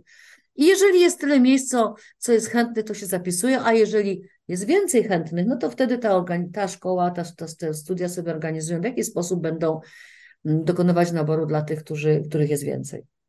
I tylko tyle. I jak będzie taka wolna, y, w sensie y, dowolności, jeżeli chodzi o uczelnie i, i szkoły, to się szkoły dostosują do potrzeb, bo to się też muszą dostosować ze względu na rozwój społeczny, ten cywilizacyjny, do potrzeb przyszłych zawodów, bo my dzisiaj nie wiemy, jakie zawody będą. Bardzo tego nie wiemy. Tak, to jest, to jest takie coś, co ja sobie dosyć późno zdałem sprawę z tego, że u nas e, w kraju dosyć wcześnie wchodzi to profilowanie, bo... Na wcześniej, niepotrzebnie. Bo w Stanach jest często tak, że rzeczywiście idziesz na te studia i możesz sobie liznąć wielu, no wielu tak. rzeczy, zobaczyć, no. co ci pasuje, co nie pasuje i teraz wybieram, no idę tu, idę tu. A u nas to jest tak, no nie wiem, tam to trzecia klasa liceum, to już jesteś w profilu i... Nie, od pierwszej klasy jesteś w profilu. O, czyli się jeszcze pozmieniało od moich czasów trochę. A powiedz mi, a gdyby była taka sytuacja właśnie, że to tak by było, to jest jedna sprawa, a druga sprawa to jest kwestia odnoszenia się do podstawy programowej. Dlaczego nie jest tak, że każdy będzie miał sukces, jak on zdecyduje, że z tej matematyki chce mieć podstawowe wiadomości, a ktoś inny trochę szerszy, a ktoś inny najszerszy, bo potrzebuje kontynuować coś tam, politechnikę, matematykę, wszystko jedno, co ta matematyka dla niego będzie wiodącym, y, wiodącą wiedzą, tak? I wszyscy mają sukces, bo on nie musi wyrównywać braków, tylko on się nauczy tego, co jest w tym obrębie tej, tej na przykład literki D, powiedzmy, jakby tak stopniować, a ten, co już najlepiej, to literki A i ten ma sukces ten ma sukces. A nie, ten ma sukces, bo, bo wszystko umie, a ten nie ma sukcesu, bo się uczy, mu nie wychodzi, bo nie ma zdolności, bo, bo sobie gorzej radzi. No to są rzeczy, które są do naprawienia w szkole. Tak, to, to ja z Radkiem Piorem e, na, na ten temat rozmawiałem chyba w drugim odcinku, gdzie on właśnie mówił, że dla, dla, ty, dla tych, co się nie interesują przedmiotem, niezbędne podstawy. No tak. Dla tych, co chcą więcej, mo możemy im poświęcić więcej czasu. Oni mogą też. Nie, to y, powinna być szkoła, oferta taka, że on może skorzystać. Jak on przyjdzie do mnie dzisiaj, nauczy się podstawy i go to zainteresuje, to powie, to ja pójdę dalej i będę jednak zdawał na poziomie rozszerzonym. Mhm. I sobie na platformie zdaje, bo on się chce Tak, tak, tak, zorientować, tak. co wie. I ja nie muszę, ja mu stopnia nie stawiam, tylko on chce wiedzieć, on dla siebie chce wiedzieć, jaką ma podjąć decyzję. I to jest znowu ta wolność połączona z odpowiedzialnością. Mhm. A ja jestem tym instytucją doradczą, pomagającą w rozumieniu tego, co dla niego nie jest proste i wspierającą wtedy, kiedy nie tylko ma problemy z matematyką, ale generalnie ma trochę pod górkę. No to przychodzi i mamy o czym rozmawiać i szukamy miejsc, w których ma i przyjemność, i satysfakcję, i poczucie, że ma to sens. I tu znowu wracamy do wyzwolenia dzieci, bo, Dokładnie. bo to rodzic, y, czy tam dorosły wie lepiej, co jest dla niego dobre. Bo to są E, bardzo trudne rzeczy. To odsyłam w ogóle słuchaczy do murów, czyli autorskich, mm, autorskich spektakli. Znaczy, tak to nazywam spektaklem, ale to są rzeczy, które są, autorami są uczniowie mojej szkoły przy okazji mm, konferencji, które organizuję w Zimskiej Woli. Mur 1, mury 2, mury 3. I drugie, druga część murów właśnie świetnie młodzież, i to oni naprawdę sami wymyślili, sami zagrali, to było w okresie pandemii, strajku, w ogóle była ta sztuka znaczy, tworzona, tworzona. Myśmy nawet nie, nie patrzyli, co oni robią, tylko oni się spotykali i sobie tam wszystko przygotowali. To dopiero w ostatnim czasie się mój kolega włączył, polonista, który tam mi trochę wsparł. I właśnie pokazana jest historia dziewczyny, której rodzice wybrali zawód, jakie są z tego skutki. I to jest ku przestrodze. Więc jeżeli masz tutaj y, słuchaczy rodziców, to bardzo zachęcam, jak się pisze empatyczna mury, to, wy, to będą trz- trzy takie, Ja no zamieszczę linki, ja, ja, ja, ja kojarzę. tak. I chodzi o to, że żeby sobie rodzice, to się bardzo fajnie takie mury na przykład ogląda y, wychowawca z rodzicami i z uczniami i się dyskutuje o tym. Bardzo fajnie zaczyna temat właśnie, co każda ze stron, i rodzice, i nauczyciele, i dzieci mają do zrobienia w tym kierunku, żeby wszystkim było lepiej.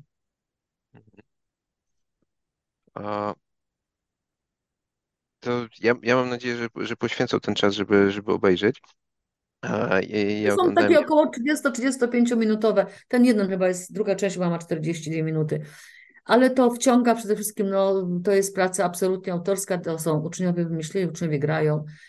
Tam są, każda część ma swoją, swoją piosenkę, bardzo taką mocną. Wbija w fotel, zawsze jak są występy, to, to ludzie płaczą.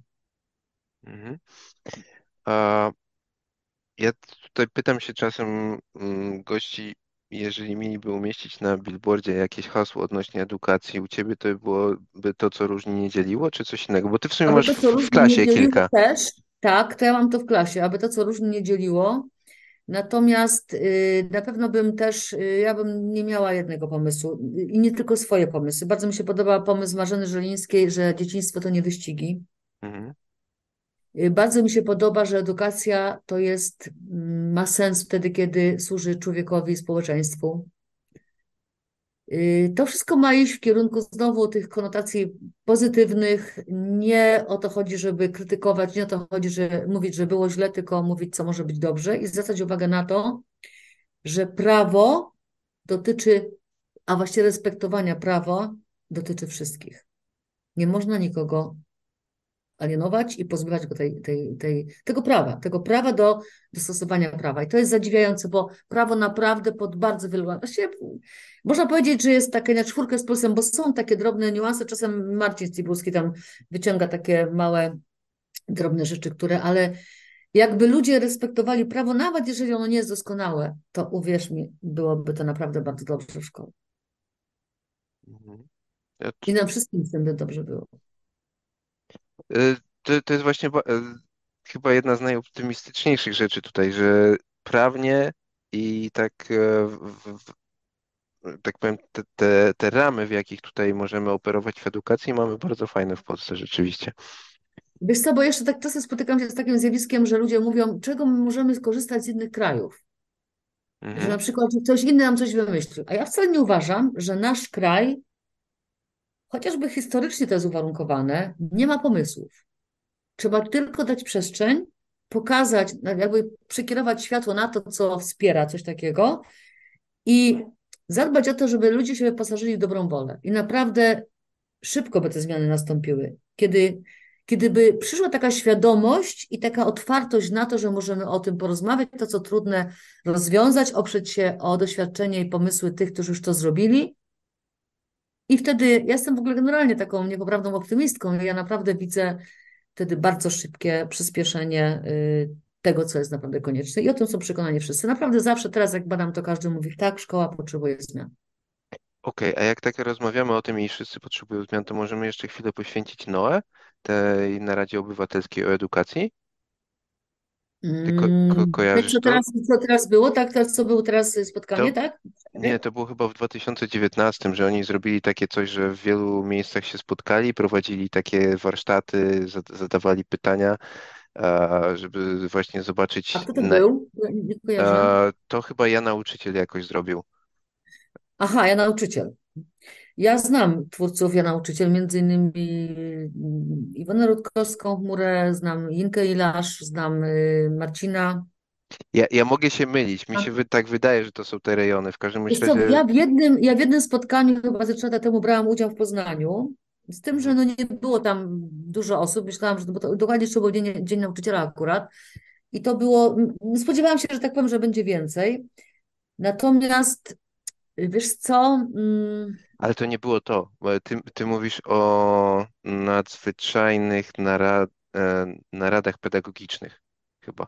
Bo ja, ja też w, te, w, w tym jak to kiedyś zwał, tak zwał, uczestniczyłem. raz tam kiedyś byłam, no. Bo, bo to było bardziej tak, że, że rodziców też pytali. I to był, do, do, oni dosyć ciekawy raport Ale nie zrobili kojarzę taki, c- tego, nie kojarzę. a to ja ci może podeślę potem. Dobra, to, to, to, to, to nie idźmy może w tym kierunku. A, Że Generalnie rozmowy, które są konstruktywne, które, y, które, do których przystępują osoby o dobrej woli, o, różniące się, ale nie muszą się, nie muszą coś się z góry dzielić i zakładać, że moja racja jest mojsza, mhm, zawsze będą służyły temu, żeby być w dobrym kierunku. no okej, dobra. A gdzie ludzie ciebie mogą znaleźć? Jakby chcieli coś o tobie się dowiedzieć, poza tym, że napisałaś książkę, ja chyba nie podałem tytułu, Nowa em, szkoła.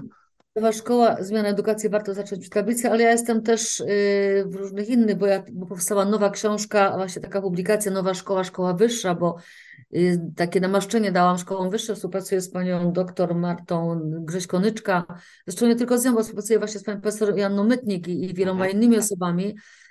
Y, I to są rzeczy, które mm, dają mi taką możliwość, jak w tej chwili, że ja dość często się spotykam na różnych webinarach i w sumie to, jak się wpisze Anna Scholz, to wyskakuje jak z lodówki ostatnio podobno. Także dużo, dużo jest nagrań. Jutro mnie można znaleźć w Warszawie, bo właśnie o godzinie 7 siadam w pociąg, jadę do, na konferencję Oręża.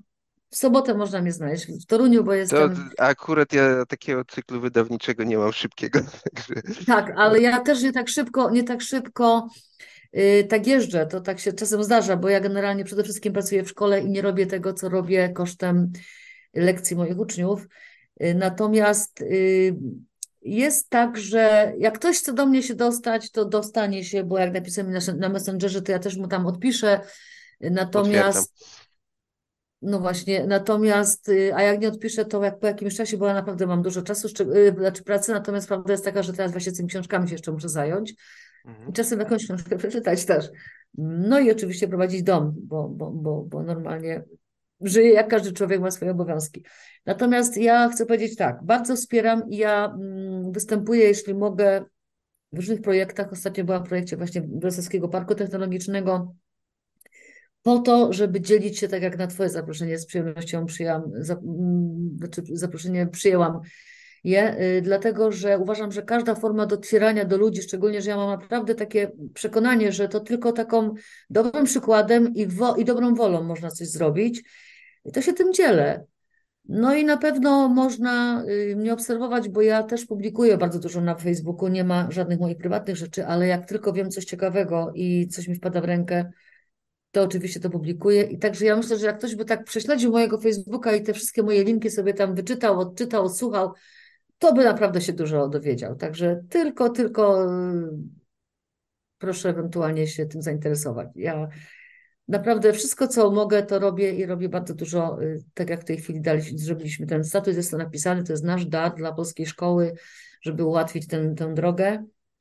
i będzie nam miło i, i po to to zrobiliśmy, żeby z tego korzystać i żeby to wsparło. I tak jak mówimy, nie uważamy, że to jest idealny statut, uważamy, że to jest wzorcowy statut, ale z tego co wiemy, bo nawet Łukasz teraz był w Warszawie właśnie na tym spotkaniu organizowanym przez CO, przez CO i przez SOS y, dla Edukacji, i nawet tam były jakieś osoby, które właśnie, właśnie już mówiły, że też na bazie naszego statutu zrobiły już statut w szkole, bo to są osoby świadome już y, prawa statutu, znaczy w ogóle zmiany statutu w swoich szkołach.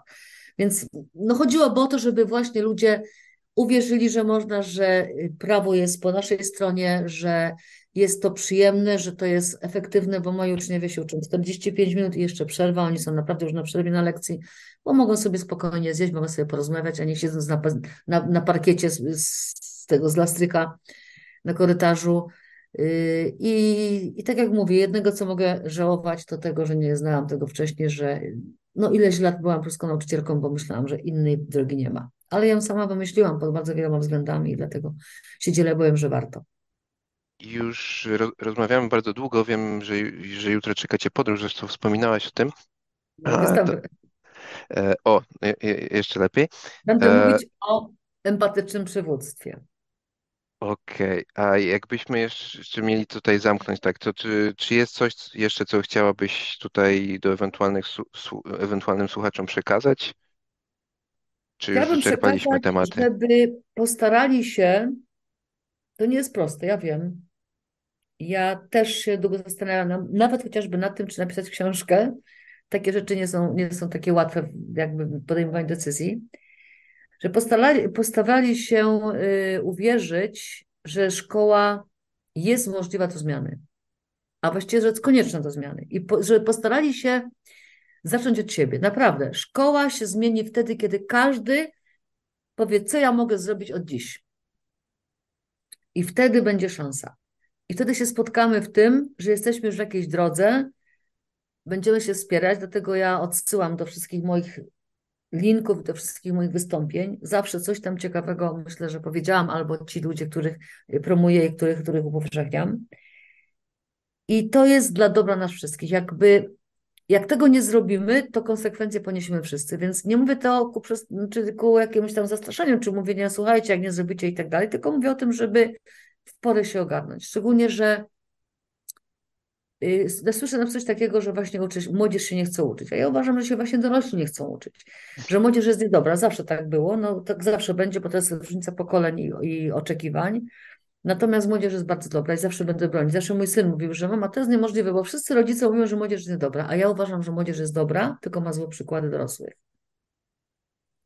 I pokażmy im, my dorośli, że stać nas na to, że możemy zejść z tych katedr, tych, tych mm, atrybutów władzy się pozbyć i stanąć obok ucznia, tak jak napisałam w książce, że moja świadomość tego, że ja potrzebuję zmian, to była wtedy, kiedy ja zbiłam taką mentalną szybę i zobaczyłam w uczniu ucznia człowieka. Z jego wadami, z jego przyzwyczajeniami, z jego charakterem, z jego zdolnościami, z jego rzeczami, które są do naprawy i zaczęłam mu w tym towarzyszyć. I to jest zupełnie inna jakość relacji, jakość edukacji.